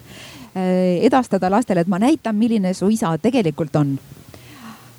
aga noh, nagu lastele on vaja isa ja, ja vot siin saabki, et noh, mingis mõttes mulle meeldib see, kuidas Siiri Sisask teeb oma seda mm, MTÜ-d Sagu Valgus. et tema, ma ei tea, kes teab, et tema toetab ka neid lapsi, eh, kes siis elavad noh, toimetulekuraskustega või toimetuleku piiri peal. ja ta on öelnud niimoodi, et eh, meil ei ole ressurssi, et kõiki aidata ja ma olengi küsinud, noh, et kas ta teed ka nagu mingit peretööd või midagi, ta ütleb, et ei, me aitame lapsi, me aitame uut põlvkonda, et nemad kasvaksid teistmoodi. et mingis mõttes juba noh, need, kes on ennast ikkagi nagu põhja joonud ja, ja selle ära teinud, et seal ei aitagi enam midagi. ja võib-olla see ongi see, et, et noh, et praegu peaks kogu see teravik minema ikkagi nagu sinna eh, noorte harimise peale, et noored emad isegi kui kontakt, eks ole, selle mehega kaob, siis ikkagi ära lase teda isana noh, nagu eh, põhja, ära õõnesta tema autoriteeti, lase ta olla isa edasi. et see emakeskne ühiskond võiks saada sellega nagu lõpu, et, et, et rohkem minu loosung võiks olla rohkem isasid laste elujoonele. Erki tahtis ka kommenteerida ja siis on üks kommentaar publikust. Äh, jah, ma tooksin välja, kui me püüame seda asja siis äh, mudeldada, et, et äh, sisuliselt minu meelest on meil olemas kolm asja. esiteks on see, et ennetus, ütleme, et mismoodi me teeme, et ennetus on kaasa arvatud siis see, et kooliprogrammis on sees, me teadvustame rohkem ja nii edasi. siis teine pool on seesama süsteem, et kas see süsteem soosib, et minnakse ühte või teist või kolmandat rada pidi. Äh, ja siis kolmas on see, et äh, mismoodi siis me tegeleme tagajärgedega. arusaadavalt on need kaks esimest osa siis oluline, et sealpool saaks probleemimistikku võimalikult kiiresti nagu ära lahendada, ehk siis ennetus on kindlasti odavam kui tagajärgedega tegeleda. see on igas eluvaldkonnas on see nii Eh, ja see on ka, ka siin nii, sellepärast et eh, siin on ka laps saab haiget ja siis eh, nagu ka satuvad ka politsei huviorbiiti ja see on kindlasti ühiskonda koormav. ja noh, süsteemi pool me saame päris palju ära teha, et, et, et suhteliselt väheste ressurssidega et need asjad ei läheks seda voolusängi pidi, kus me ei tahaks, et nad läheksid. Ja lõpuks, kui meil tõesti on jõudnud see kätte, see valus hetkene, kus kohas vanemad hakkavad siis oma Rooma ajuga mõtlema, et, et seal on, ressurssi läheb rohkesti ja hea oleks, kui me sinna ei jõuaks ja me saaksime ära tehtud ja me oleme MTÜ-s ka kokku puutunud väga palju ka äh, siis äh, positiivsete juhtumitega, mida me oleme võtnud aluseks äh,. ja väga hea on need, mis annavad siis sihukest eeskuju ja annavad ka tegelikult praktikat. tänan oleks siis veel see, et nad mõtlevad oma Rooma ajuga, aga Rooma aju ju ei mõtlegi et ja kõigile lisaks need lapsed, kes sinna teie juurde satuvad, nendel on ju ka valdav osa nende tegudest on toime pandud selle Rooma aju seisundis, mitte siis, kui nad on nagu korteksis. lisaks nendel on ju palju alkoholi ja eks ole seal või muid mõnuaineid, mis ju teatavasti ka nagu iga, iga lonksukene ja iga mahvikene midagi eh, vähendab korteksi nagu adekvaatset äh, tööd. ja, ja selle omamoodi retsept ongi see, et kui, eks ole, noh nagu need isad oleksid rohkem pildil, nad tegunesid, et nagu kuigi seal on ka tüdrukuid, on ju, aga seal on siiski väga palju ka poisse ja suuresti ikkagi ju naised lähevad ju tavaliselt rohkem kurvaks ja mehed lähevad rohkem vihaseks, on ju, sellepärast ongi vanglas rohkem mehi ja psühhiaatriahaiglas rohkem naisi. et noh, et see viha, mis, mis sealt välja tuleb, see on see Rooma ja aju, eks ole, noh, see, see tahe, tahe, tahe rünnata. Nii et, aga seal üks meil oli publikust. kaunis tütarlaps soovib.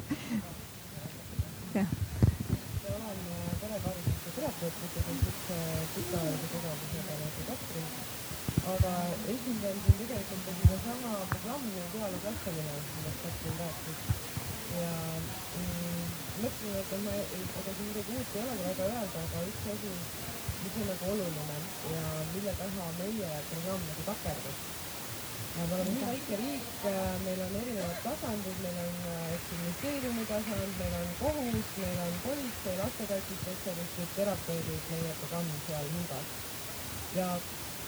kuidagi nagu, ma ei tea, kuidas see juhtub, aga, aga et seda koostööd nagu tuleb, tuleb nii raskelt ja see on äärmiselt oluline ja see on oluline sellepärast, et neid paare sinna programmi saada kohustab töö see on kolm korda suurem töö, kui nendega seal päriselt kohtuda. Mm.. see on äh, tundide viisi motiveerimist, nad helistavad sulle suvalisel ajal, siis sa räägid nendega, siis nad tulevad, siis nad mõtlevad, et ikka ei tule, siis ütles ta mulle niimoodi ja siis tema ema ütles mulle niimoodi, ma ikka ei tule ja nüüd ma sain teada, et see tuleb ja see ei tule ja siis ta tegi seda, ma ikka ei tule ja siis me ikka tuleme. Ja, ja noh, see on põhimõtteliselt, see on ikka nii meeletu töö ja, ja mul on õudselt hea meel, et äh, riik võtab selle suuna, et me alustame enne lepitusest ja siis lähme kohtusse, sest selle programmi üks küsimus on see, et, et see kohtus käimine peatatakse selleks ajaks, kui nad sinna tulevad. ja mis puudutab nüüd, programmi tuleb, või ütleme, see programm hollandlaste poolt välja töötatigi sellepärast, et nad vaatasid, et, et miski nagu ei toimi. ja ma ei saa öelda, et see teeb imet, aga ütleme nii, et kuuest paarist äh, no ma, ma olen nõus umbes hollandlaste tulemustega, et üks paar äh, muudab oma käitumist totaalselt ja ütleme niimoodi kaks-kolm paari teevad väikseid edusamme, aga on alati tõenäosus, et selle puhul ei tööta mitte ühtegi. aitäh asjaliku täienduse eest. ja kommentaari soovib Rait, palun. jah, ma tahtsin äh, võib-olla kahte aspekti võib-olla siin veel ütelda, et äh, lisaks sellele nii-öelda noh, lepitamisele või leppimise nii-öelda suunale, et, et, et riik suurendab ka rahastamist nendele vanemlike oskuste arendamiste programmidele. aga noh, mida ma nagu näen, on see, et ikkagi see on selline tagantjärele nii-öelda tarkus, et, et, et noh, siis kui juba mingisugune mure on käes, et siis me nagu tuleme ja hakkame kuidagi siis proovima, on ju, nii-öelda seal kuskil taga, tagumisest otsast on ju. et see ei ole nagu ennetus, et, et noh, ennetust on ka vaja teha rohkem ja noh, kahtlemata on tõsi see, et, et, et meil on äh, killustunud need süsteemid mõnevõrra ja, ja igalühel on omad eesmärgid, omad võib-olla nii-öelda rõhuasetused, et, et äh, mille järgi kellegi tööd mõõdetakse ja sellest see ka nagu tuleb. aga üks asi võib-olla, millest noh, mis sõna me ei ole siin nagu kasutanud väga palju, et, et, et mis tegelikult nagu noh, toidab seda kogu seda sellist nagu nii-öelda sugudevahelist konflikti, siis ütleme nii, on ju see võimsad soostereotüübid, mis meil on all tegelikult ja selle kohta on hästi palju uuringuid Eestis ka tehtud no mitte just hästi palju, aga on piisavalt nii-öelda, et, et, et on võimalik nagu aru saada, et, et meil on ikkagi väga sellised äh, tugevad soostereotüübid, milline on naine, milline on mees, milline on naise roll, mis on mehe roll nii-öelda. Noh, alates sellest on ju, mehed ei nuta on ju, et, et mis on sihuke teada-tuntud käibefraas on ju, mis endiselt kehtib veel. et, äh, et see tegelikult nagu äh, noh, on, on väga hea allikas, et kust nagu aru saada, et kuidas me mõtleme valdavalt, äh, mis on need nii-öelda nagu nüansid, mida me usume hea peegeldus jällegi, kui ma tulen siis nii-öelda selle noh, meie erinevate skeemide juurde, et mida me üritame veel teha nüüd äh, see vanemapuhkuste äh, hüvitiste nii-öelda reform, et, et mis siin käib mitmeetapilisena.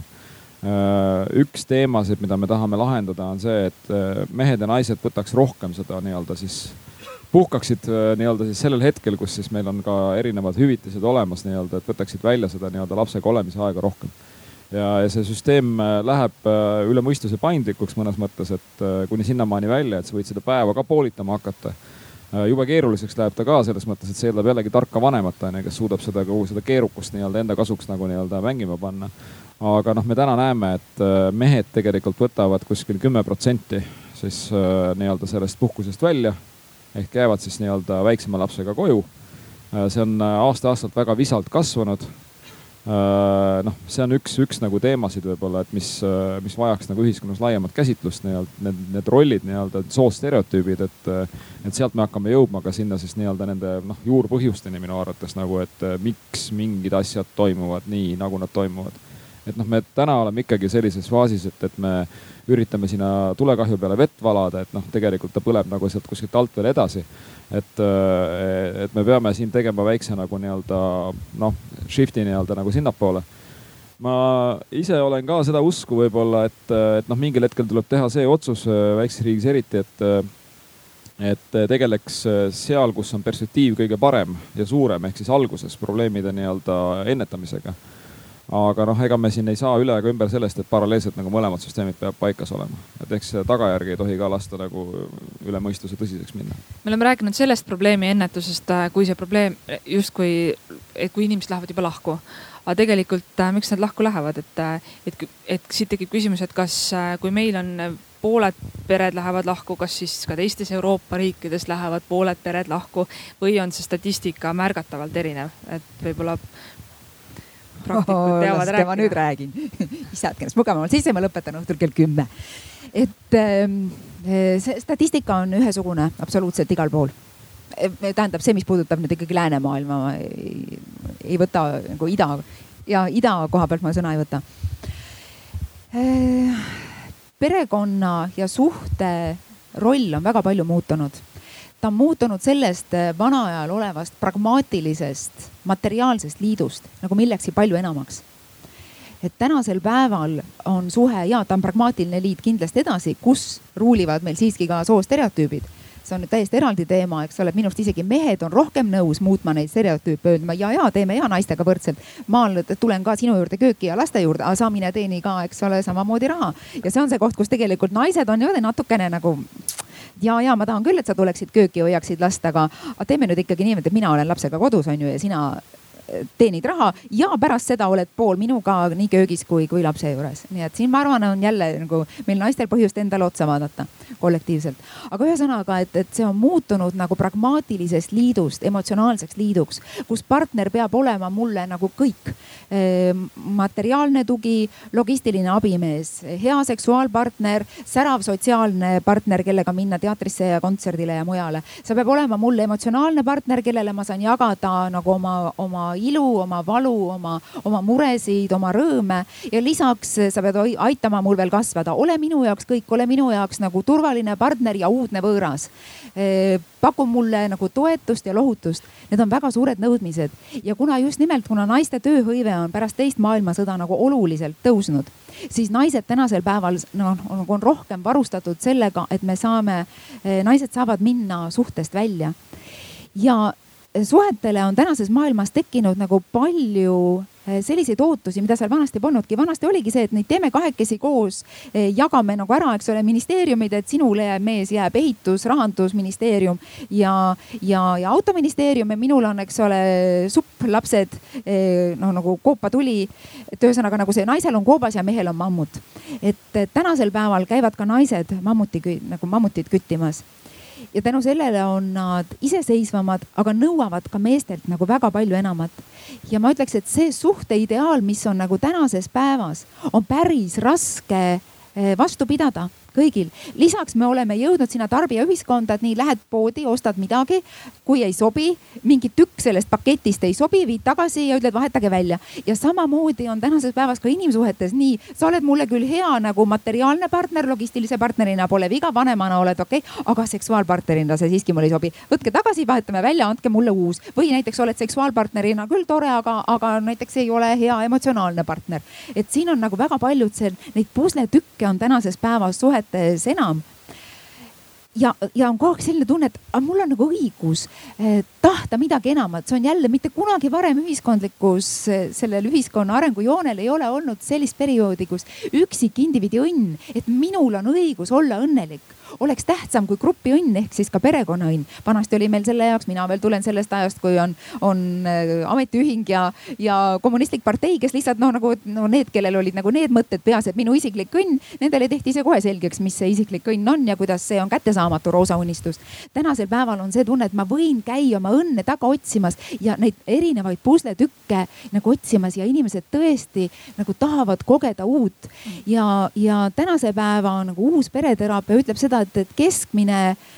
noh, nagu keskmine inimene elabki elu jooksul mitte enam selles ühes paarisuhtes, vaid on kaks-kolm erinevat paarisuhet. see on uus normaalsus, mõnikord küll on see paarisuhe või see kaks-kolm on sellesama partneriga, üks suhe nagu saab nagu otsa ja sa alustad uuesti temaga nagu noh, nagu emotsionaalses e mõttes. ehk siis ennetada seda, et inimesed üldse lahku ei läheks, ei olegi põhimõtteliselt. Äh, ühiskond on nii palju muutunud, meil on hoopis teistsugune ühiskond ja sellepärast ongi, et nagu nende kogu kärgperede ja nende lahutustega, see on natuke nagu pagulastega, et, et äh, selge on see, et pagulastel oleks parem omal maal ja selge on see, et vastuvõtjamaal oleks oluliselt parem, kui neid ei oleks, ent pagulased on ja me peame õppima, kuidas nende pagulastega toime tulla. nii ka kärgpered, see on uus reaalsus. me, nii tore oleks öelda, et no oleks tore, kui neid ei oleks. muidugi oleks. ennet-, ennetus jääb siiski sinna tasemele, kus tuleb juba tegeleda sellega, et lapsed ei kannataks. ei, ma no siiski, no meil seda, tänasel et... päeval luuakse ka suhteid palju hiljem ja see, mis vanasti oli see, et üks partner eluks ajaks, eluiga, vaadake, kus on kasvanud. vanasti lihtsalt oleme nagu koos heas ja halvas ja vaesuses ja rikkuses ja tervises ja haiguses. haigus ja, ja halb eh, nagu oli oluliselt lühem, kuna inimesed surid varem ära. praegu võib see ikkagi nagu see haigus ja, ja halvas olla väga pikk. Rait tahab vahele. ma ütlen nagu siia juurde, et ütleme selline noh, Eesti on nagu selles mõttes arenenud riikide hulgas, et meil on elekter ja kraanivesi ja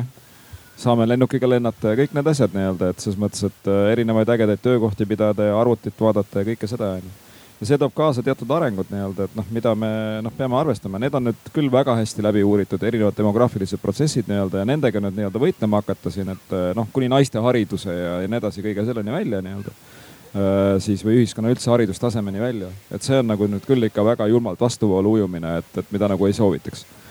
nüüd äh, noh, eluea puhul ka, et ega veel mingi noh, ma ei tea, siin mingi sada viiskümmend aastat tagasi veel eluiga oli kuskil nelikümmend on ju, et noh, täna me oleme sada on ju, et, et, et on, on kohti juba, kus maailmas elatakse keskmiselt sajaaastaseks. et, et noh, me peame nagu arvestama siin nagu nende muudatustega ja, ja, ja noh, ütleme, et noh, võib tunduda, et see, mis kunagi oli, on jube armas, et, et lülitaks selle kõik nagu endale tagasi, et noh, ei saa ja nüüd noh, küsimus on selles, et kas need ülejäänud protsessid ja skeemid ja mõtteviisid ja stereotüübid ka muutuvad sama kiiresti, kui inimkäitumine muutub, et noh, pigem ei, ei, ei ole nagu nii. et äh, võib-olla on abi sellest, et kui me ise seda lihtsalt nagu teadvustaksime rohkem, et, äh, et, et mis seisus me nagu siin oleme, et, et mis perspektiiviga me elame, on ju, et, et, et noh, see on selline üldine tarkus tegelikult peab tekkima nagu ühiskonnas. Ühesõnaga saime aru, et, et protsessid on paratamatud, mis need meetmed siis ikkagi on, kuidas me neid lapsi siis ikkagi aidata saame, kui, äh, kui, kui vanemad äh, ise ei oska märgata last selles olukorras. kas on, äh, kas on mingisuguseid meetmeid, kuidas me saaksime isegi märkamata seda last sisendada lastele, et neil on võimalus abi otsida näiteks? minul on tunne, et nagu vanemad vajavad abi, mitte lapsed onju. et, et see on nagu selline, selline nagu tugev tunnetus praegusel hetkel, sest et noh, lõppkokkuvõttes, kui laps juba abi vajab, siis on noh, järelikult on see mingi peegeldus juba, et, et, et vähemasti nii olen mina nagu aru saanud tegelikult. aga kas, kas lastel on täna võimalus ise otsida abi, et kui nad näevad, et nende noh, vahest on laps see kaine mõistus seal äh, seal, seal olukorras, et ta saab aru, et oleks tarvis abi otsida, kas tal see, on see võimalus? see paraku nüüd juba sõltub äh, väga palju sellest äh, ümbritsevast keskkonnast, kus see laps on ja nendest suhetest, äh, mille keskel ta on. et ja see on väga erinev lastel ja noh, ütelda nüüd noh, võib ju ütelda seda, et noh, igaüks ju noh, ütleme, et ütleme siis nii, et lastekaitsetöötaja on ju ühel aadressil, et, et jumala eest, et kõik teavad seda aadressi on ju, et selle võib ju viia on ju. aga see ei ole nagu lahendus, et tegelikult see, see kontekst ja kogu see keskkond nii-öelda, kus sa täpselt oled ja kui palju sul on mingeid usalduslikke suhteid ja kõik see lugu nii-öelda sinna ümber hakkab nagu mängima. ja noh, tegelikult äh, ütleme siis niimoodi, et kui see kontekst on hea või keskkond on hea lapse jaoks, siis tal tõenäoliselt on mingisugused võimalused seda nii-öelda abi küsida või kellegagi rääkidagi ja jõuda sealt kuskile edasi, kui see kontekst on nagu ääretult halb, on ju, siis, äh, siis äh, seda võimalust ei ole. ja noh, tihtipeale noh, mida on ka näha, on ju, ütleme, et teatud probleemid hakkavad nagu minema põlvest põlve nagu sarnaselt, on ju. et, äh, et noh, seda siin, neid näiteid on siin nagu kuhjaga tegelikult. ja, ja noh, mida teha, on ikkagi see, et, et me peame nagu fokusseerima sellele, et me kõik oskame olla targad vanemad mm. -hmm. meil on publikust veel kommentaare, küsimusi? ja, tere, olen Siiri Äh,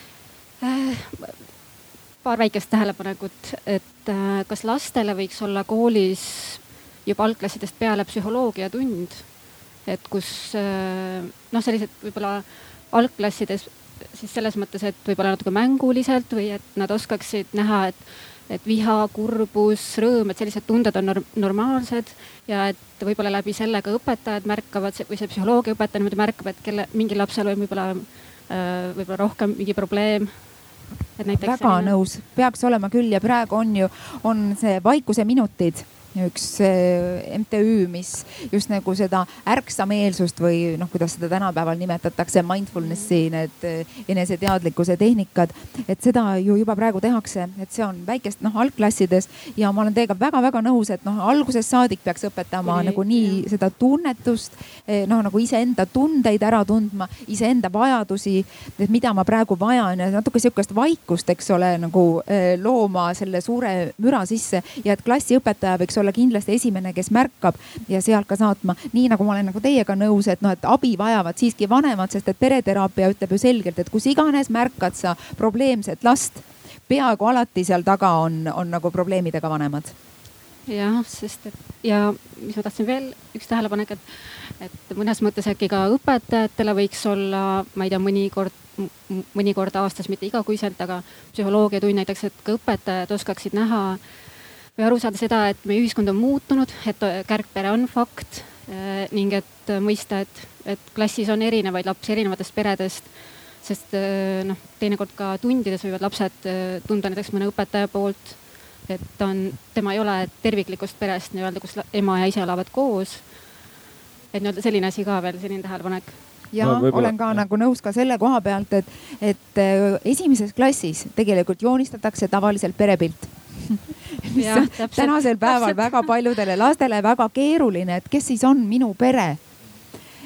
Et äh, juba ka siin peaks olema õpetajatel noh, nagu selline teistsugune lähenemine, et mõista, et tänasel päeval on peresid väga erinevad ja lapsed just võtavad neid asju ju palju lihtsamalt, sest tänasel päeval ei ole ühtegi last, kellel ei oleks klassist eh, kas siis kärgperet või juba lasteaedades on. ühe koolidirektor kunagi ütles, et esimeses klassis on kümnel protsendil eh, lastel eh, vanemad lahus. kaheteistkümnendas klassis on kümnel protsendil lastest vanemad koos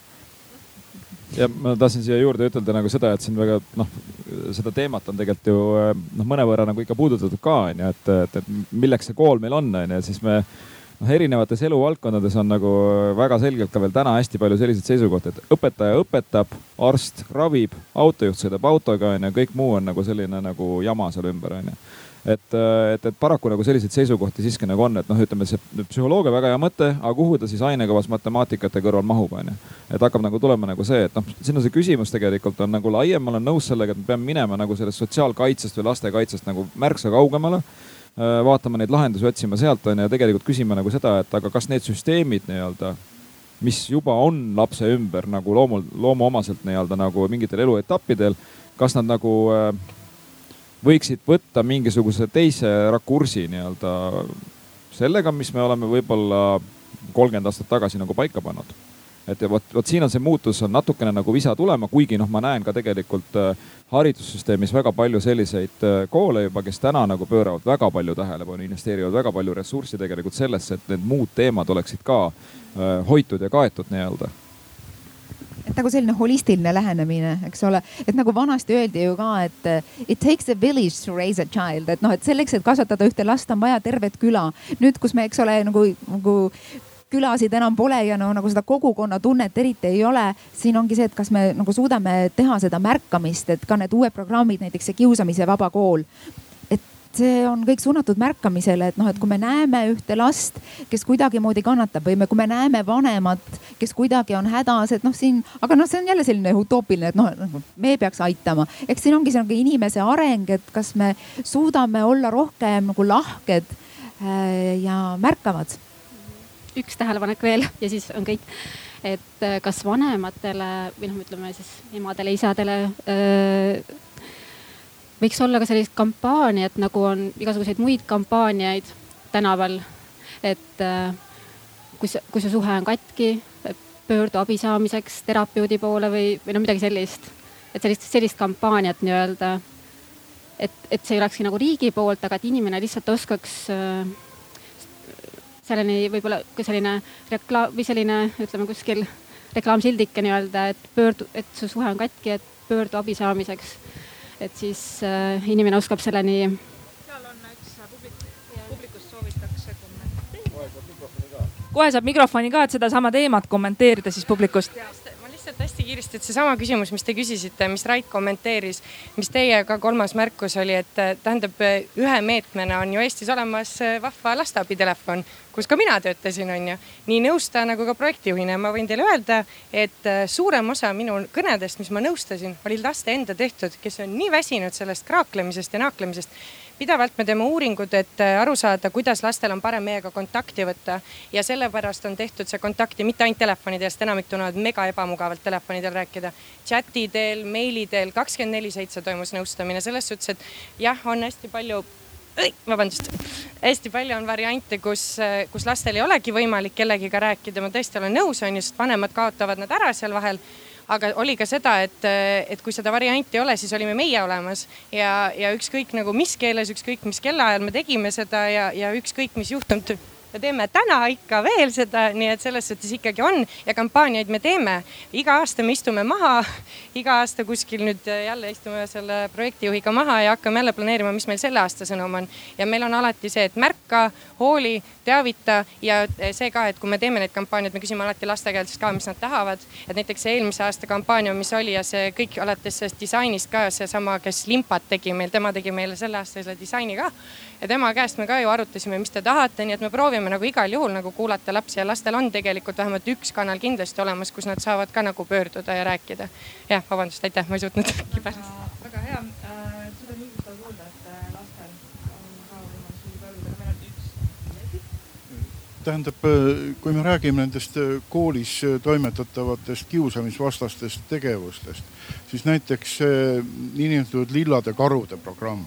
see, mis Taanis sisse toodi, see on kognitiivkäitumuslik programm, mis peaks täiesti rahuldama need kõik need vajadused ära, mille peale tõenäoliselt teie mõtlesite. iseasi on muidugi see, et kuidas neid asju realiseeritakse, nad on toodud teistest kultuuridest sisse, need tegevused ja, ja paratamatult tekib siin niisugune kultuuriline mingisugune reaktsioon, eks ole, kõik need stereotüübid, kõik need harjumused, mismoodi on koolis õige tegutseda, mismoodi on perekonnas õige tegutseda, kõik nad mõjuvad nagu sellise, selliste jõududena, mis võtavad aega maha eks ole, nii et me võime teha mingisuguse kampaania, aga see ei tähenda seda, et inimestel nüüd plõksti nüüd lülitub teine ajuosa sisse kohe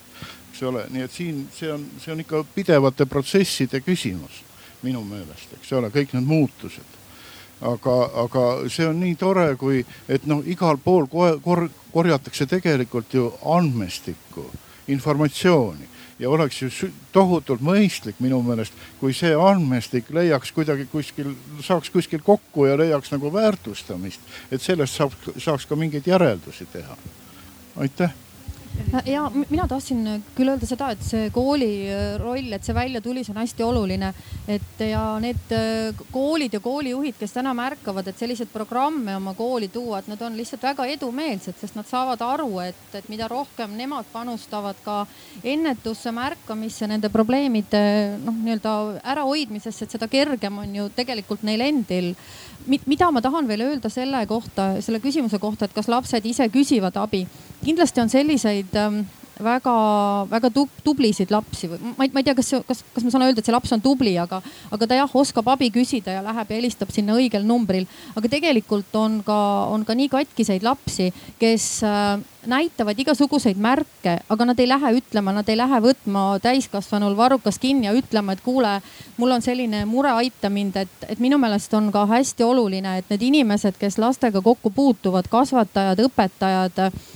naabrid minu poolest, lähe, lähisugulased, et nad, nad näeksid noh, selles lapses ka neid teistmoodi märke, et me ei saa nagu täiskasvanutena jääma, jääda ootama seda momenti, millal see laps mulle tuleb ütlema, et kuule, nüüd on nii, mul on abi vaja. et, et, et minu meelest me, me peaksime,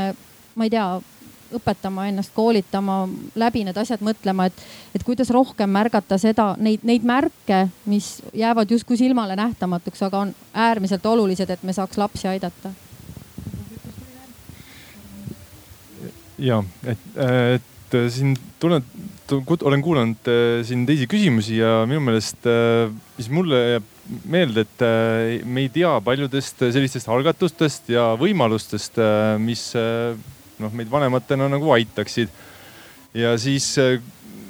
et see lasteabitelefon ja siis need neljas linnas toimuvad programmid ja et tegelikult, mida ma ootaks ministeeriumilt rohkem raha teavitustegevusse. sest ma kerin tagasi aega, et kui oli kõvasti Euroopa Liidu raha kasutada, siis ma ise olin kaasa ka erinevates projektides, kus me erinevaid teadlikkusi tõstsime. ja, ja tõesti oli nagu noh, oli tööd, oli sellist nagu tundsid, et sellest oli kasu ka. täna tundub riik ise võib-olla noh, ei saa, sellepärast ei, ei saagi, võib-olla ei teagi teist paljudest asjadest, et äh, mingi projekt kuskil jookseb, aga vot teavituseks enam raha ei ole. korra aastas tänaval näeme ja see on kõik, vot sinna teavitusse peaks rohkem raha panema, aitäh ja mina saan omalt poolt nagu seda öelda, et mina ikkagi olen praegu andnud oma allkirja sellele, et ma jätkan järgmisel aastal Vikerraadios, mis on nagu Eesti kõige suurem raadiokanal peresaate tegemist, mis on siis psühholoogiaalane saade ja vot kuulen hääli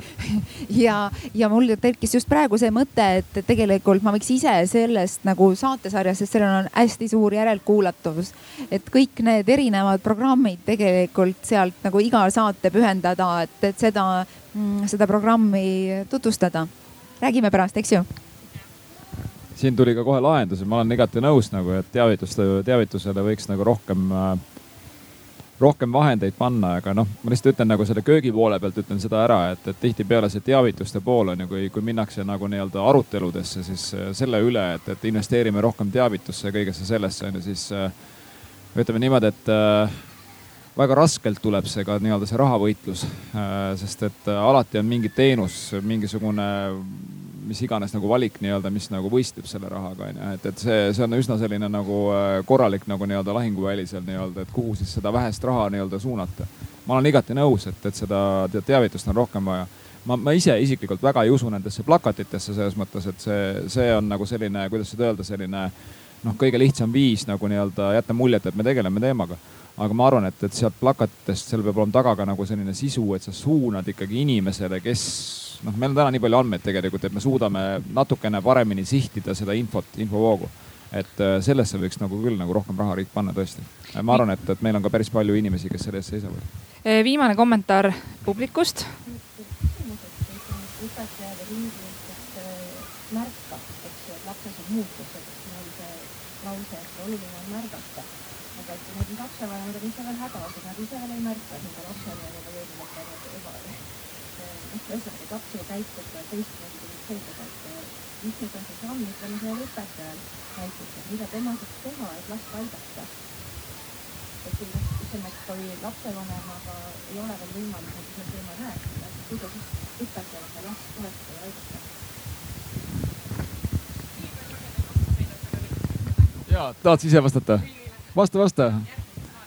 Järgmise, järgmises saates, saates vastame. väga hea, minu poolt viimane kommentaar, ma pean minema ja, järgmisele ja, üritusele nii-öelda, rääkima siis hoopis eakate muredest. aga,